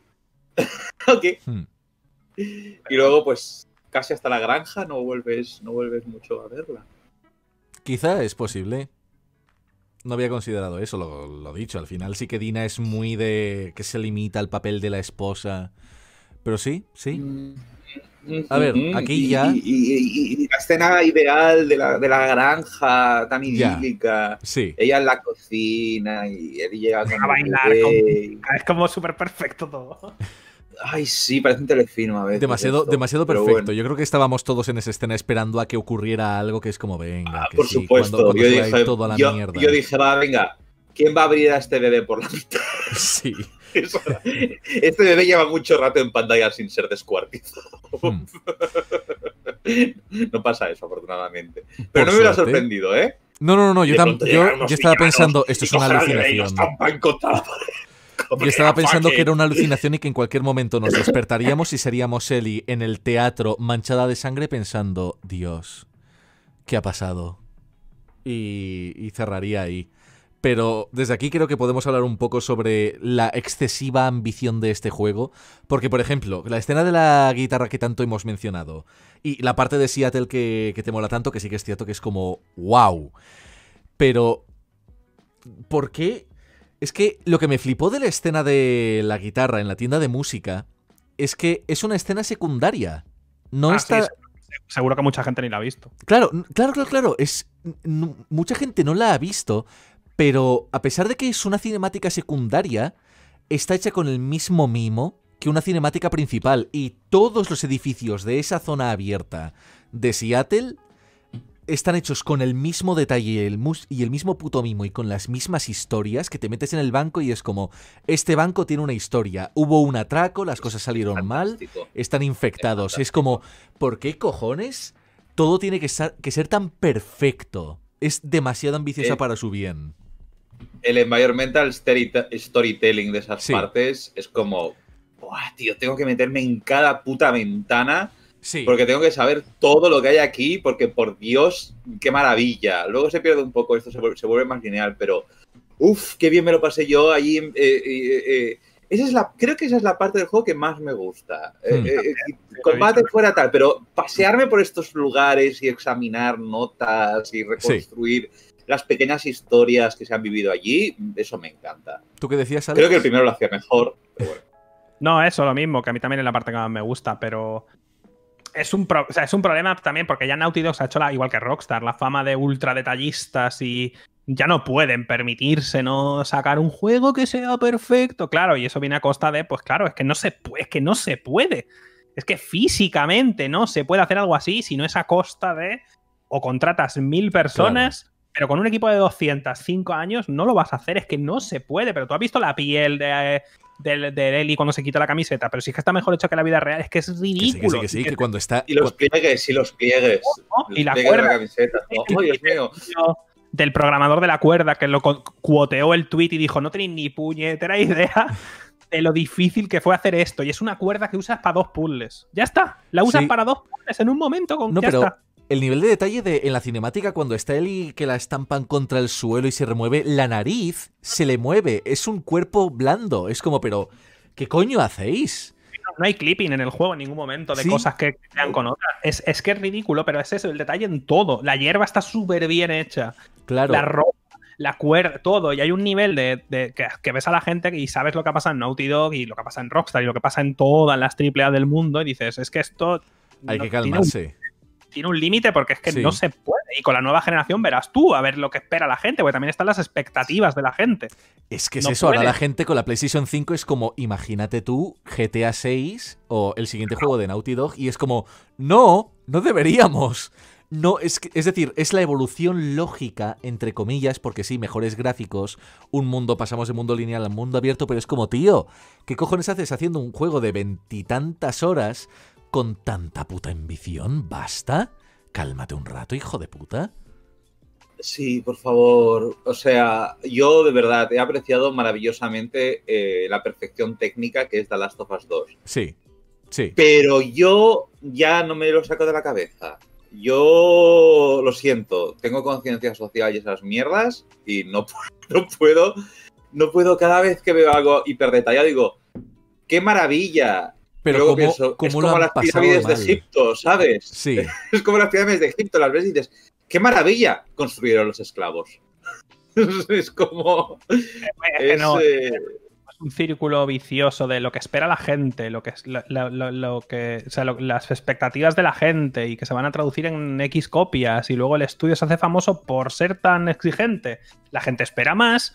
Sony espera más de Naughty Dog, Naughty Dog tiene que subir todavía más el listón, la gente... Y es que al final es un ciclo que si ahora, si ahora sale el Uncharted 5 o el 6 o ya no sé ni cuál va a salir la Play 5, pues claro, Sí. ¿te crees que va a ser peor que el anterior? No pueden hacerlo. O sea, gráficamente no puede ser ni igual, que ya era excelente, no puede ser igual, tiene que ser más grande, Claro. más explosiones, más texturas por aquí, más... Y es que, y GTA 6, pues imagínate, ya lo están haciendo. Seguro que llevan tres años haciendo GTA 6, ya, seguro. Pero porque no da tiempo, es que seguro que lo están haciendo. Porque, y mira, mira lo que pasó con el, con el Red Dead Redemption también. Es que es, es, es, es una pena, la Mm. verdad. Porque luego yo lo he dicho muchas veces, que sí, los AAA y lo que tú quieras, pero luego acaba el año y pienso en los 10 juegos que más me han gustado y de los 10, 8 son indies. es que no sé. O sea, quiero decir, es Claro, algo. esto, es, esto es muy demotécnica, de wow, se ve de puta madre, mira el nivel de detalle, pero ¿sabes qué, me qué juego me ha gustado? El que está estética pixel que ha hecho un tío en su tiempo libre. Claro, Sí, es, claro. Pero, pero estos somos nosotros. Ya. que nos gustan estos juegos. La No, gran masa de dinero que mueve la industria AAA no está pensada para, para la gente que quiere jugar a Night in the Woods. No, no, sí, Eh, sí, eso, eso está claro. Pero bueno, que luego tienes ahí el FIFA con las cartitas que hace 1,5 1.500 millones Hostias. al año. Cartitas. Mucho más de lo que va a hacer es, Sí, toda su historia. ¿Sabes? Sí. Quiero decir, eso ya es un mundo que, que- que- que- prefiero saber lo en un mínimo. solo año las, las cartitas del FIFA ya han ganado más dinero que, que eso. De las todo lo que va a generar la saga de las tofas, ya no el segundo. El ¿En Sí, primero, sí, el ¿En sí. serio? ¿En serio? 1.500 millones, solo en cartitas en un año. Sí, Mira, hay, cosas, hay cosas que prefiero. El LOL, pues el- ahora lo sabes. el LOL Bienvenido. hace, el LOL hace más de eso cada año y el Ah. O de Porque móviles, o hacemos, o hacemos, o hacemos eh, eh, eh, eh, eh, eh, juegos como servicio. eh, que, que- que- que consistan en, en explotar laboralmente a la gente de formas horribles, o hacemos juegos que consistan en explotar completamente la audiencia para volverlos adictos. Y ay, como, como odio esta industria, los videojuegos son una mierda, ¿lo sabíais? Sí, todas las- pero eso pasa Son- en todas las industrias. El Ya pasa en lo todas, mismo. pero es como, tío. Los videojuegos son especialmente sangrantes. No hace En el falta. cine por lo menos están sindicados. A ver, la animación, lo- ojalá se sindiquen en los videojuegos, pero yo en la animación también he oído historias de terror. Joder, tú, tío, los mangakas en Japón, tío, Hostia, que cuentan unas historias también. que te quieres morir, tío. No sé, es, es que es tan... Y a la vez, yo soy culpable de esto. Yo me lo he pasado de Last of Us y lo he pasado en directo y he hecho un espectáculo de, Sí. De, de esto. Quiero decir, yo he Y estamos participado. haciendo en aquí el podcast y yo voy a hacer un análisis y, y todo sí, eso. Sí, sí, sí.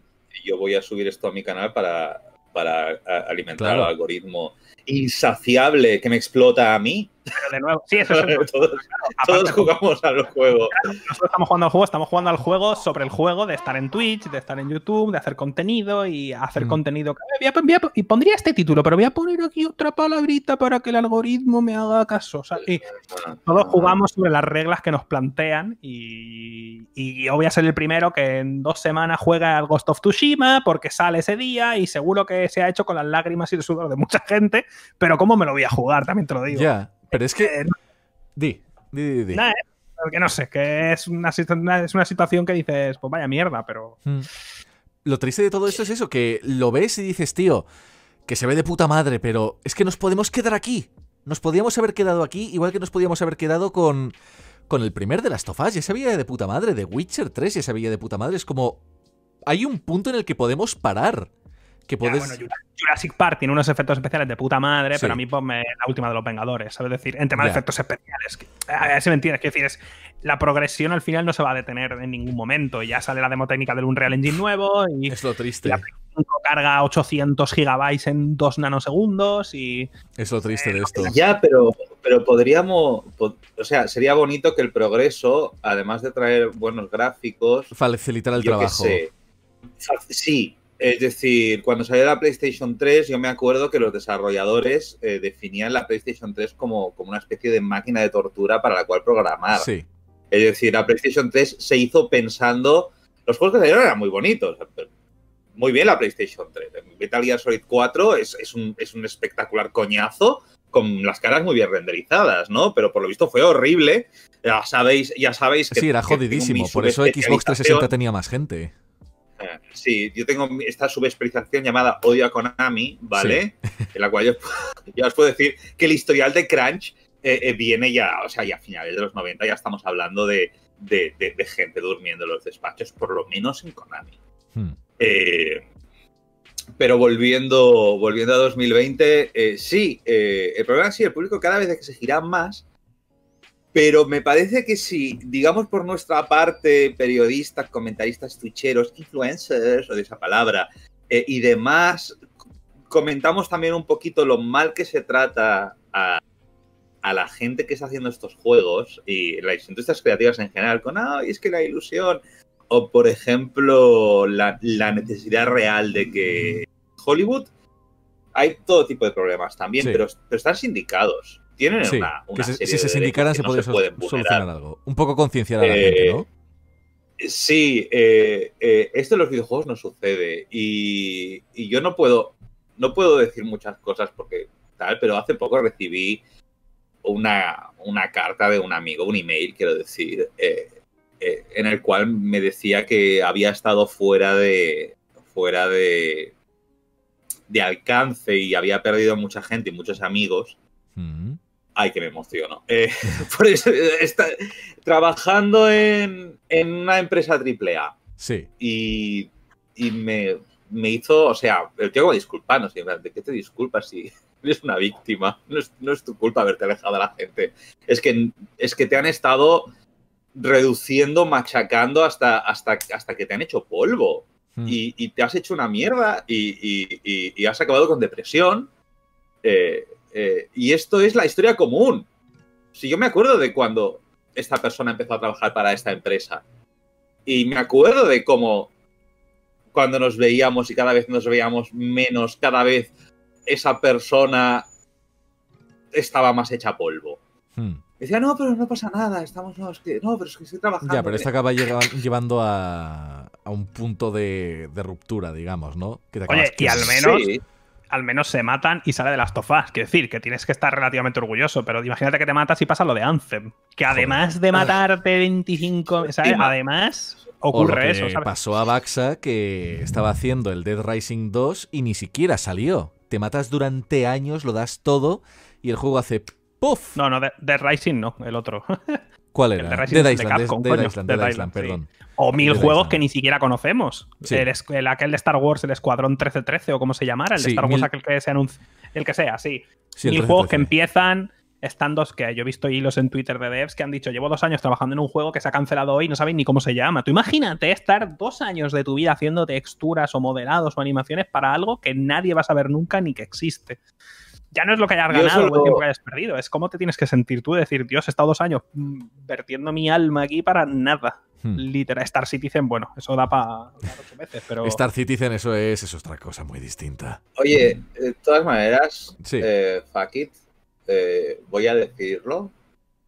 No mucho, pero solo puedo decir que después de recibir ese email, no creo que pueda disfrutar de Assassin's Creed Valhalla. Dicho está. Bien. ¿Vale? Bien. Porque, ¿para qué cojones lo voy a proteger? La empresa era Ubi. ¿Ok? Bien. Y, y- y ya, ya se sabe que Ubi también lo hace. O sea, ya se sabe que toda la industria AAA está, Es está basada en la, en la explotación. No es, no es ningún notición. No es la primera vez que pasa. lo con Ubi. habitual, pero el causa- ahora denuncias por, por, eh, por acoso sexual que nos están Hmm. investigando debidamente. Es vergonzoso. Hmm, Sí, pero a ver, esto es, esto es que se sabe, se da por sentado, tristemente, que todo el mundo entra dentro del crunch, pero Naughty Dog y Rockstar son especialmente conocidos por sus crunches. Y es eso, la ética de trabajo en Naughty Dog es salvajísima.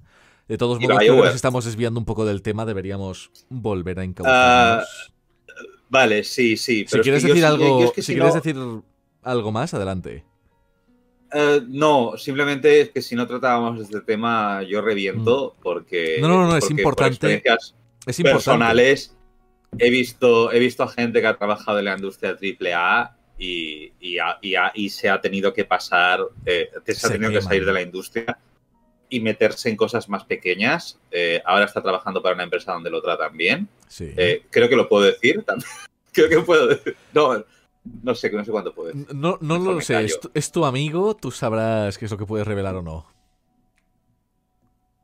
No, porque si digo para qué empresa trabaja ahora, igual lo rastrea. Entonces, entonces nada, ¡ah! Entonces Y entonces nada. le hacen un Konami. Bueno, yo soy paranoico porque digo, imagínate que ahora Ubi, como le hace un Konami, empieza a enviar cartas a todas partes. No, no. Y o alguna mierda de estas, porque Konami lo hace. A ver, la, ética de trabajo de Japón también es, es puto destructiva. Ya, ya, ya. No, sí, perdón. Es que, es que, es que cuando has tenido que escribir el libro sobre Silent Hill y demás, Sí. Y, y lo de la explotación, es que, es que no te lo puedes quitar de la puta cabeza. Entonces, yo solo quería cubrir esto. Podemos seguir halagando al juego, pues esta parte teníamos que pasarla. Ya Bien, está, sigamos. vale.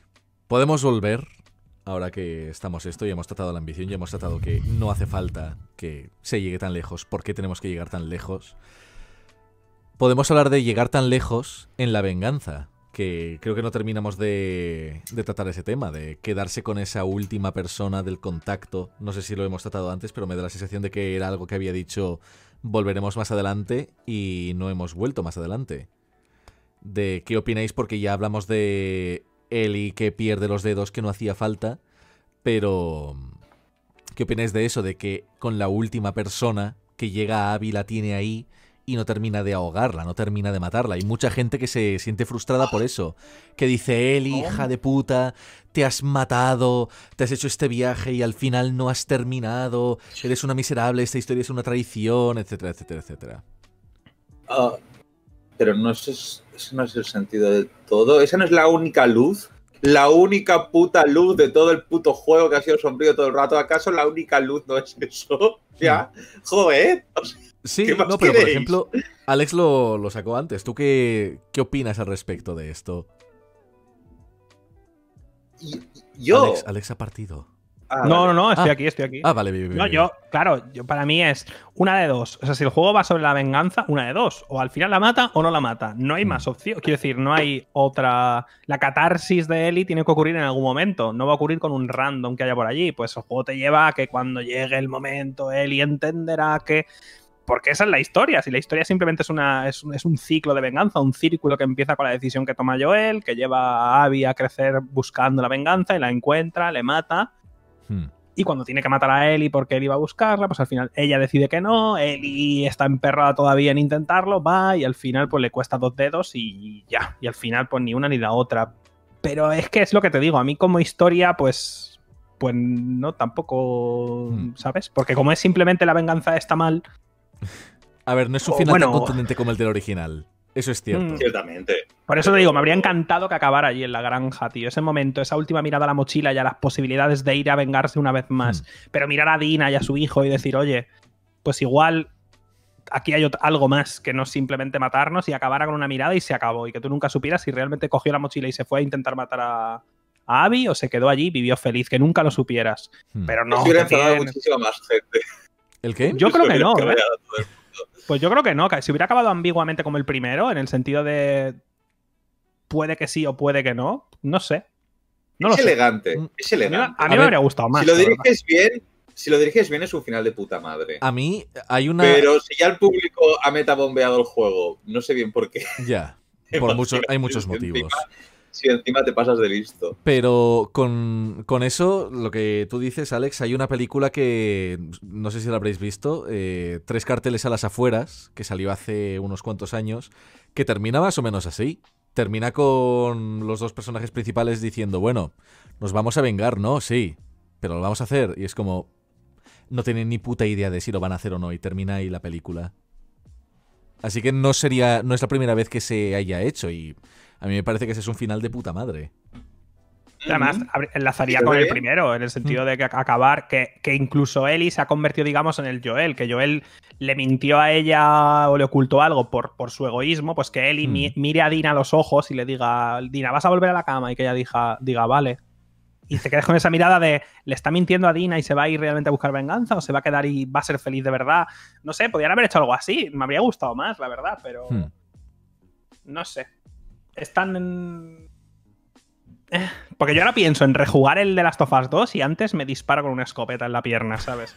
Pero yo. Ah, yo Sí. también. No sé, no. ¿A qué? No siento cambio, el tanto primero- rechazo.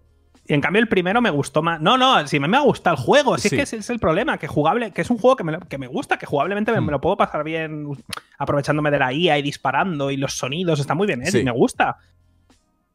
Pero alrededor hay tanta oscuridad y demás que digo, tío, es que me voy a deprimir jugando este juego, ¿sabes? El Hmm. primero al menos todavía tienes esa luz, esa, "Uy, vamos a llegar al hospital a ver si al final, no sé, y lo rejugué y me gustó otra vez. Y mira que Sí. tiene cosas oscuras el primero, ¿eh? Como No, la no, no, zona de yo los al- caníbales y demás. Yo al primero al rejugarlo le saqué unas cuantas cosas que dije, coño, esto no lo había sabido apreciar la primera vez. Hmm. Ujú. Pues Pero no hablando sé, de... Yo no, yo no tengo muchas ganas de rejugar este porque se me ha hecho muy largo ya. Bueno, Si es que además es más Sí, largo, tío. Es que sí, eso. buah. sí, eso da bastante perezuki. Pero Te hace matar perros. Bueno, a mí Lo eso de- me da igual porque como les tengo miedo, pero. lo de matar perros, mira que yo ahora tengo un perro, pero... pero me da igual. Son Ese perro lo matas, que viene a un morderte, tío. Ese claro. perro, a ver. Que no, Viene a que no, morderte, que le yo pegas no, un que- tiro al pupo y ya está, lo siento mucho. No, no, porque, porque luego, luego matas a un perrito majo y encima el juego va y dice, primero lo matas y luego es en plan, ¿has visto cómo jugaban a la pelota con el perro? A mí eso me parece bien. Que mira, justo, ¿Te justo, sientes mal? justo con esto, En plan, ya, vale, recurso fácil. Spec Ops The Line lo hizo mejor que tú. Además, te hace jugar dos veces con el perro, no una. Es que tiene huevos. ¿eh? Te hace una al principio en el campamento, que le puedes tirar la pelota, y otra con el muñequito en el acuario. Que dices, tío, que ya lo he entendido, ¿vale? Que, el- que es un perro bueno, joder. Que vale. Justo bueno, con esto, eh, creo que podemos pasar al tema que yo creo que es la verdadera Joel 2.0, véase Abby. Que a mí me gusta lo del perro, que hay mucha gente que dice que con Abby se manipula mucho porque ahí te ponen que de pronto toda esta gente son buenas y mírales, tienen colegios y tal. A mí me parece que es un buen recurso porque de alguna manera te tienen que presentar que Ali es buena y me parece muy guay el cómo tratan lo del perro porque al perro ya le has matado y le has matado creyendo que era un perro, un objeto perro, y de pronto está Abby tirándole la, la pelota, y para mí los momentos en los que Abby le está tirando la pelota al perro es como de, de no saber a dónde agarrarte, de tierra trágame, ah, mierda, es eso, me además. duele. Además, que Abby no es buena, ni Joel, Sí, ni Ellie. sí, o sea, sí. son todos iguales. Son todos Claro. que luchan por su supervivencia, se, se juntan con gente con la que tienen cierta confianza y han vivido situaciones, pero todos son iguales. Todos están sobreviviendo como pueden Hmm. y ya. Por eso a mí no me importó jugar con Abby, porque dije, mira, pues otra persona en este mundo que te hace imposible ser de otra manera. Si, ¿cómo no vas a ser así? Si cuando vas a buscar algo te aparecen unos pavos con esporas en la cara y te pueden matar y luego están otros luchando por comer y, y claro que te van a matar. Es que, pues todos son iguales y todos son grises. Ese es el problema para mí de este juego, que no me dice nada nuevo. Si eso ya me lo explicó el primero. Si cuando Joel te cuenta, o le- cuando Joel le cuenta a, a Ellie que cuando empezó todo esto tuvo que ir con su hermano y matar gente para sobrevivir, ya te Mm. han contado, ya ahí en esa frase ya te han dicho, mira, que todos somos grises, que este mundo es jodido. Ya está, no hace falta que me cuentes otra historia, decirme, fíjate, ¿te acuerdas que todos somos grises? Entonces, eso es lo que a mí me sobra de este juego, que es una historia que no necesitaba saber por el simple hecho de que yo ya sabía que aquí todos luchan por sobrevivir y... Y ya, Sí, por eso me había encantado otra cosa diferente, pero bueno. A ver, Y en ese sin sentido... embargo, Di. ¿cuántos juegos AAA salgan, salen, digamos, Mm. que tengan por lo menos grises? Es que son tan pocos que, Hay muy que pocos. como, bueno, uno, uno- un, La- un Last of Us cada siete años, supongo que no está tan mal. A mí, no, no, a no, que sí, verdad. a mí, a También ver, te digo, me, me habría gustado que durara 15 horas y no 25, pero bueno. Sí, sí. Sí, eso, eso desde lueguísimo. Podría haber durado la mitad de este juego. Pero con lo de Abby, sí que en el primer de Last of Us, Joel te dice. Eh, he tenido mis momentos oscuros, he sido un cazador, he teni- tendido trampas a personas, pero te lo pone como esta fase anterior de cómo fue él en el pasado. El resto de gente que te encuentras, incluso David, el caníbal, te los presentan como gente jodida. Ellie con David siempre se muestra hostil, mientras que con Abby, por primera vez, te están diciendo, hey, que la gente a la que se ha estado matando, que era gente. Que sí, que puedes haber sacado esas conclusiones en el juego original, pero se pueden sacar muchas conclusiones de muchas cosas.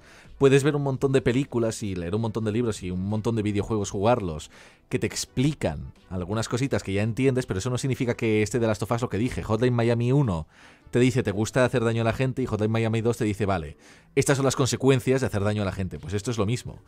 ¿Es merece la pena salvar al mundo? No, vale. El mundo se ha ido a la mierda, veamos qué implica eso. Y me mola mucho que le den la vuelta a lo de Abby, porque lo teníamos más o menos en la cabeza, pero ahora de verdad lo estamos viendo. Y lo bonito para mí también es que ya has matado a, toda esa gente, que lo dicen mucho la- un montón de personas de es que te hacen matar y no quieres hacerlo y es como me da igual que no quieras hacerlo, ya lo has hecho. Toda esta gente que estás viendo ya está muerta. Y para mí es eso, es esa incomodidad de Dios.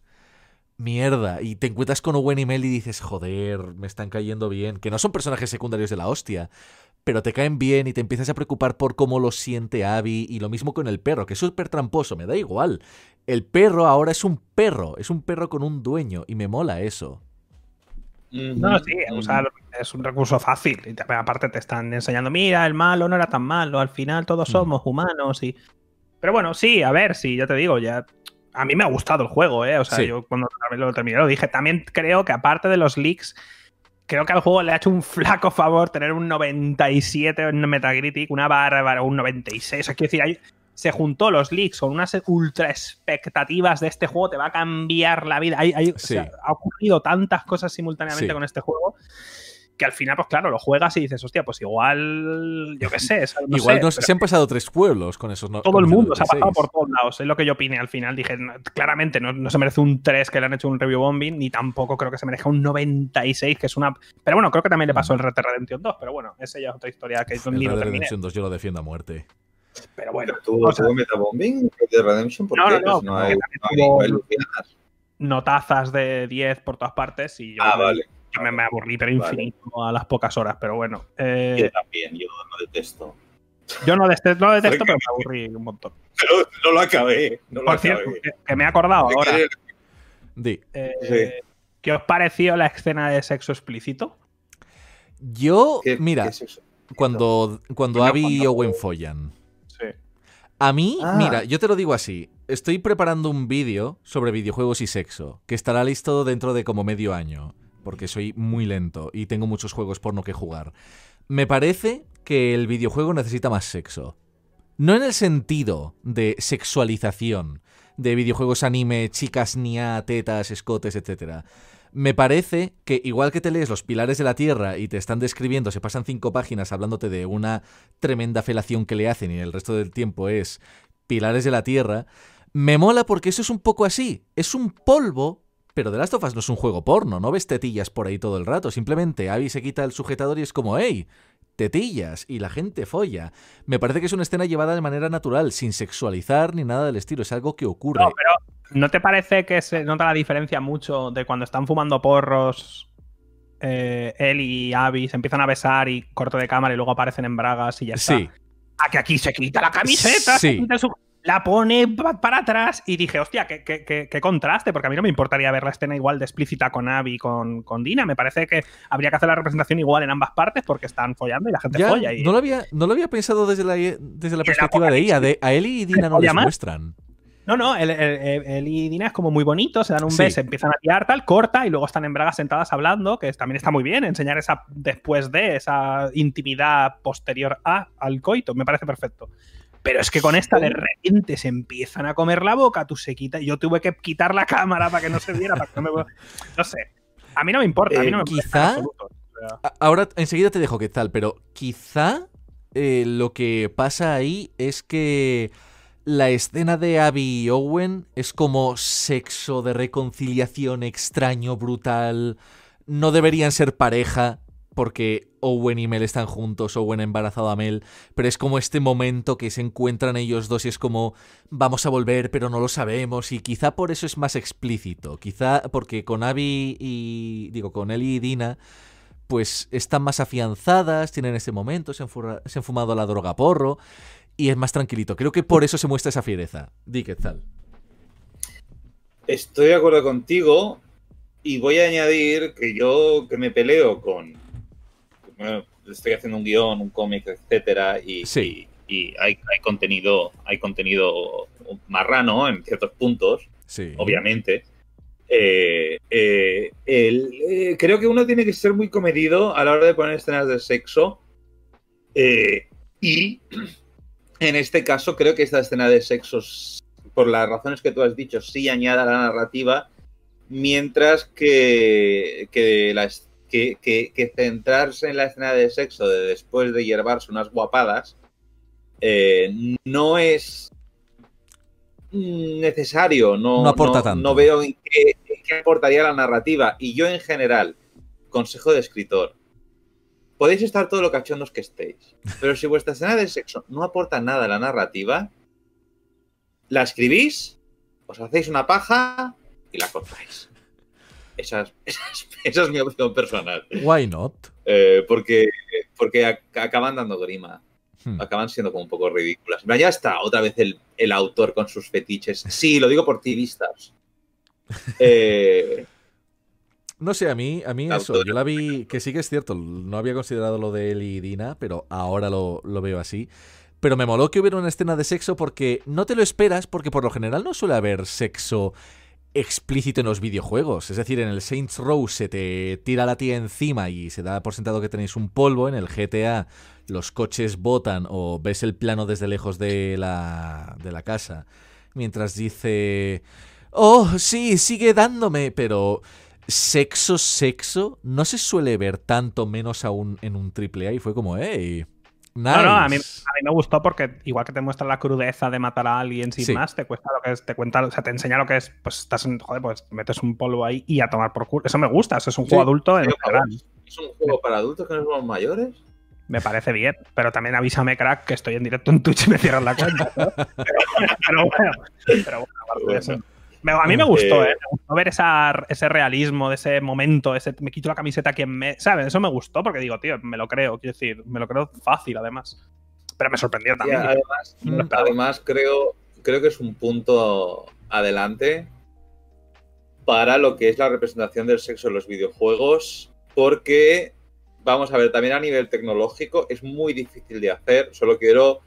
Bueno, lo siento por si os doy flashbacks de Vietnam y ya no podéis eyacular durante la próxima semana, pero recuerdo que en Heavy Rain hay una escena de sexo. Hombre, hombre, en Heavy Rain y en Fahrenheit. Ay, pero- sí, ay, Dios mío, el que- Creo que lo he borrado de mi cabeza. Sí, no, no, se hace con Quick Time Event, se la metes a Quick Time Event. Es un juego de ritmo. de Buah, verdad, qué bonito sí, es ese momento. Qué puto Oh, bonito Dios es. mío, oh, Dios mío, David Cage. Pero, Pero ya que estamos con Heavy que- Rain, la tecnología de los besos de este videojuego. Los mejores besos que he visto jamás en un videojuego. Es como wow. No, no, fantástico. Este, yo lo dije, yo digo, Sí. no, me- no sé cómo este juego se mueve en una Play 4, no tiene sentido. O sea, es Sí. una cosa, pero exageradísima. Increíble. O sea, el tema de las colisiones es tan complicado de hacer de esa manera, pero tan difícil que eh, no sé, es, es que es Y increíble. Yo esa, y esa probablemente es una de las razones por las cuales no vemos tanto sexo. en general, seguro que han cortado mil cosas por decir, bueno, pues verás tú para hacer esta tontería, lo difícil que. Pero no sé. No sé, si ya te digo que cuanto más pienso en el juego, más, más veo cosas que me han gustado y momentos Sí. que recordaré y demás, pero a la vez. Ya, pero al mismo tiempo es como que quieres mantener una distancia de seguridad, ¿no? De está guay, pero eh, un poco como ver cine de autor, que te ves, te ves una película de Dreyer y dices, sabes que está bien, pero quiero ver Los Vengadores otra vez antes que volver a ver Vampire. Es que para el cine soy como el que juega al FIFA, tío. O sea, yo, para- Sí. yo veo. Ah, no, yo me pues los no, Vengadores, pues, pues yo, yo prefiero ver películas de Drake. Pero- los. Pero. Yo lo pero- entiendo, entiendo el mood, Alex, lo entiendo. Pero, a ver, eh, con respecto a lo de la escena de sexo que quería añadir, es muy difícil, yo creo, a nivel tecnológico, así como la violencia y demás, tampoco nos importa tanto cuando vemos a, a- a- a dos personajes supuestamente realistas hechos por ordenador manteniendo relaciones sexuales, se suele crear un uncanny valley de la polla. Y no sé si esta es la primera escena de sexo que he visto con personajes modelados en 3D en un videojuego que no me haya dado asco. ¿Vale? Estoy pensando, Mass Effect también lo hace, pero Mass Effect hace Muy eh, sutil, las escenas de muy... sexo como un anuncio de, de, Claro. de desodorante, ¿sabes? Uy, un culo, oh, fundido a negro, se miran, oh, pero no se besan, no hay No, esto, esto es, esto polvo, es, no es soft porn, es, polvo. Exacto. Oh, un momento, como, dame un momento. "Uh, sí. No es anuncio de colonia. Y, eso es muy difícil de hacer. Y por eso, y por eso creo que se hace menos en los videojuegos. Creo que es una razón tecnológica más que por pudor. O eso es lo que me gustaría pensar. ¿Tú qué piensas, Alex? No, seguro. Sí, de hecho, creo que cuando han salido GIFs y demás del juego, pequeños vídeos, en, los han cuoteado de F y han dicho, no os hacéis idea de lo difícil que es que un personaje se quite una camiseta. ¿Sabes? Quiero decir, hay cosas tan, que parecen tan obvias y tan fáciles. Y luego lo piensas y dices, hostia, ¿verdad? ¿Cuántas pocas veces he visto yo en un juego que un personaje venga y se quite una camiseta? Pero que esté bien hecho, rollo. ¿Cuántas veces lo he visto en un juego? Muy pocas. Generalmente cuando se cambian de ropa entran en un armario, en un, en un closet tal y se cambian y salen ya vestidos. Pequeñas cosas así que no las piensas porque el tema de las colisiones y la malla que está por encima del personaje.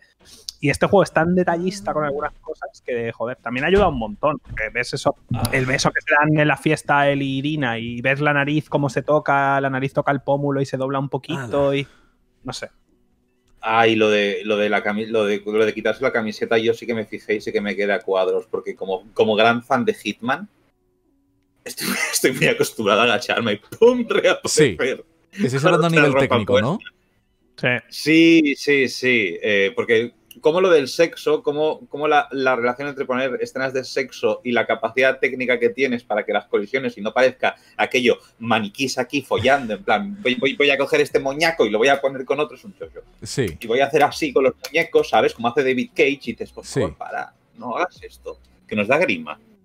A todo el mundo le gusta el sexo, pero a nadie le gustan las escenas de sexo. A de nadie David le gusta Cage. mal hecho. Pero no, a nivel, a nivel técnico es eso, lo de la nariz, cuando se quita la camisa, cuando, joder, que le ponen a Eli una navaja y es como, la punta de la navaja está aquí y la piel se le dobla, que dices, pero basta, basta. No sé, absurdísimo. Un nivel ridículo.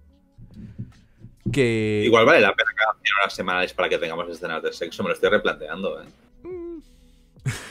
Ya de una vez. A ver, a ver, estaría bien dar la tecnología para que puedan hacer escenas de sexo sin matarse. Estaría guay. Estaría bien, guay. estaría bien, estaría bien. Pero bueno, eh, las mecánicas veo que más o menos ya las hemos tocado por encima, que es divertido, pero tío, para lo que estás haciendo, como que no. Así que no sé si queréis hablar más de las mecánicas, pero yo creo que lo que queríamos tocar lo hemos tocado. No sé Sí, qué opináis. Las mecánicas del juego.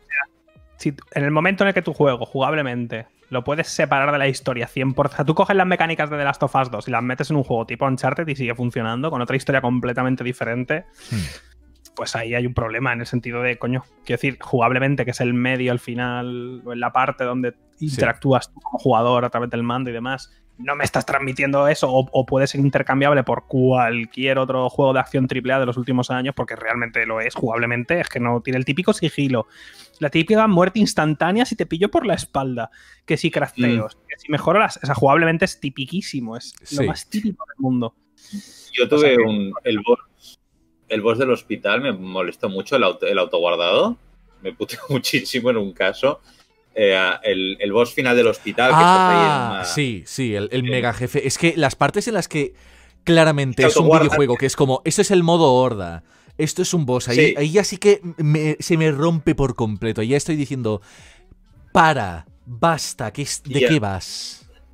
Sí, pues el megaboss ese. Sí, El juego me guardó antes y casi no tenía recursos. Y yo estaba jugando el juego normal porque. mm, sí, es- pues sí. normal, normal. lo tuve que bajar a muy fácil para poder pasar esa parte, porque realmente no podía pasarla porque no tenía recursos y aquello de correr por todo el escenario buscando los recursos para que te mate de un golpe en cuanto lo rozas, es como, mira, vete a tomar por el culo.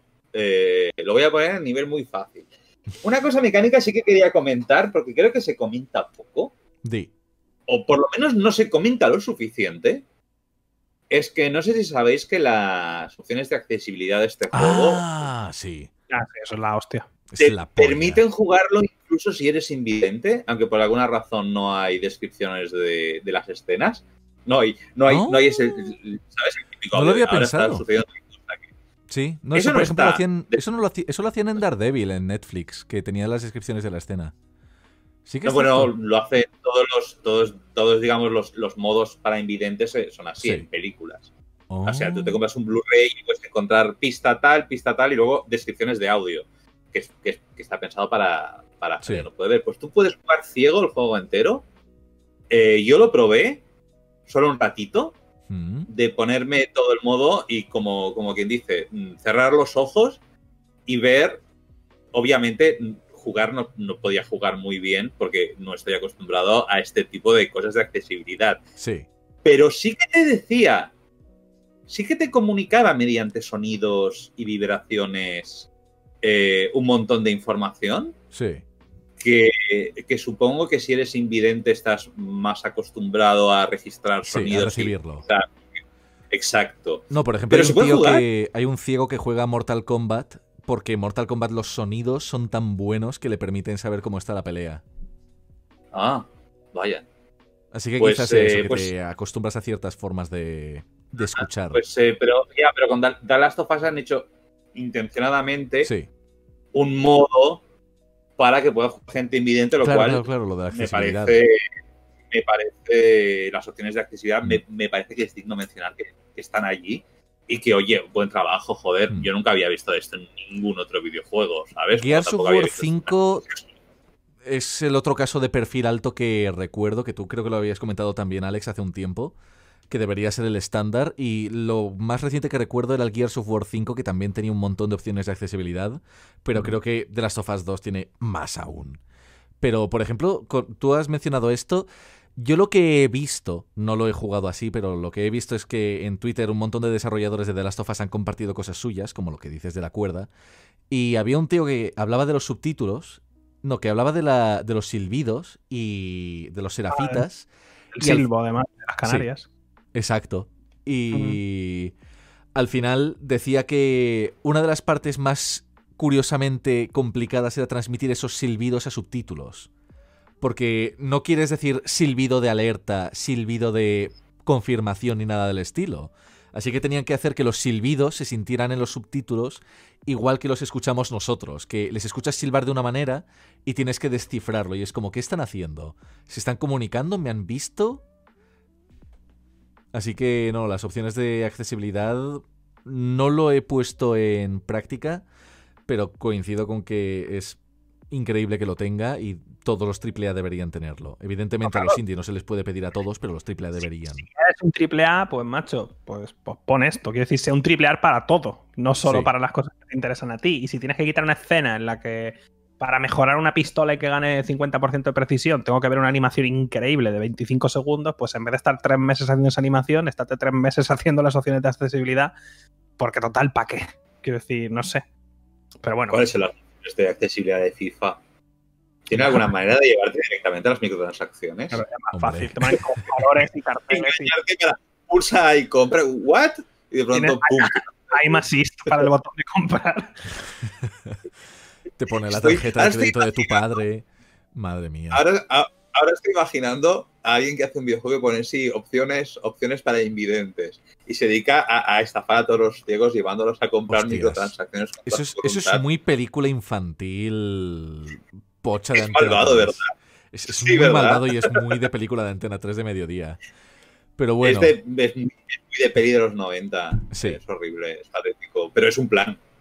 Ahora lo he dicho y alguien lo hará, ¿eh? Esto hmm. espérate, que a alguien se le ocurra esto. Que, no sé, ¿alguna otra cosilla más que, que se nos haya pasado a comentar y que veáis? Porque yo creo que más o menos todo lo que quería tocar se ha tocado. Por mi parte, sí.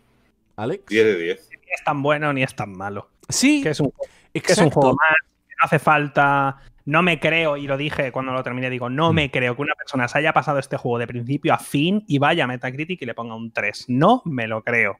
O sea, no me parece, es que no, no mm. tiene ningún sentido, no me lo creo.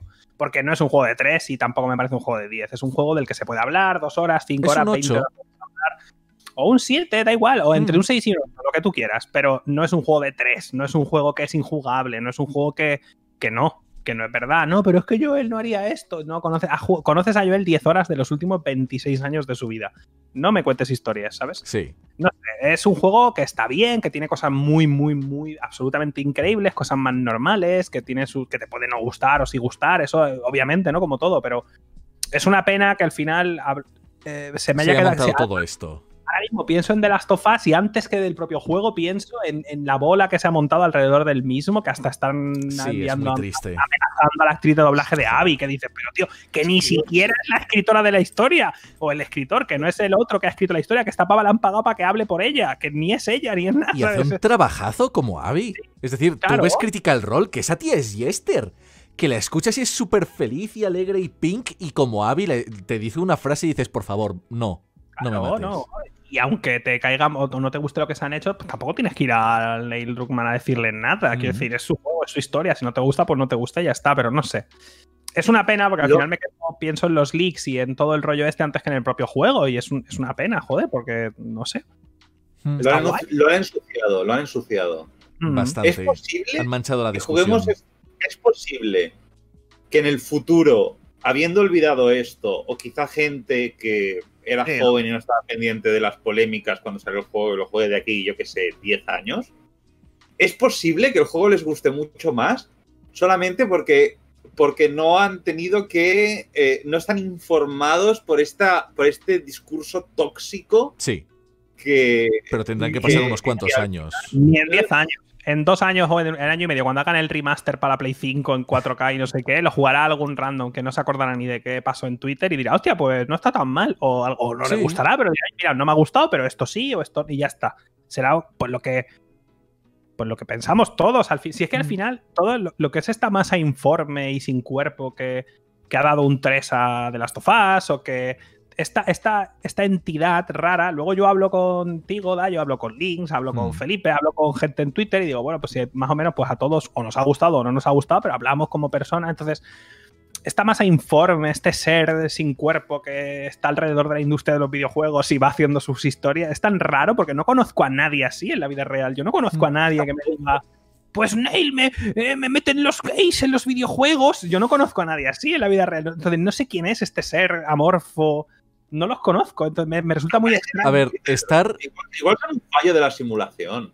Es, es perfectamente posible. Sé que estar están, pero también muchas veces pasa con estas campañas que, vamos, yo en mi juventud, eh, allá por 2011 me metía en 4chan y te ponían lo del cañón iónico, este, del cañón i- de iones, para hacer un dios a alguna página y yo me quedaba mirando como, guau, dale, dale, dale, dale.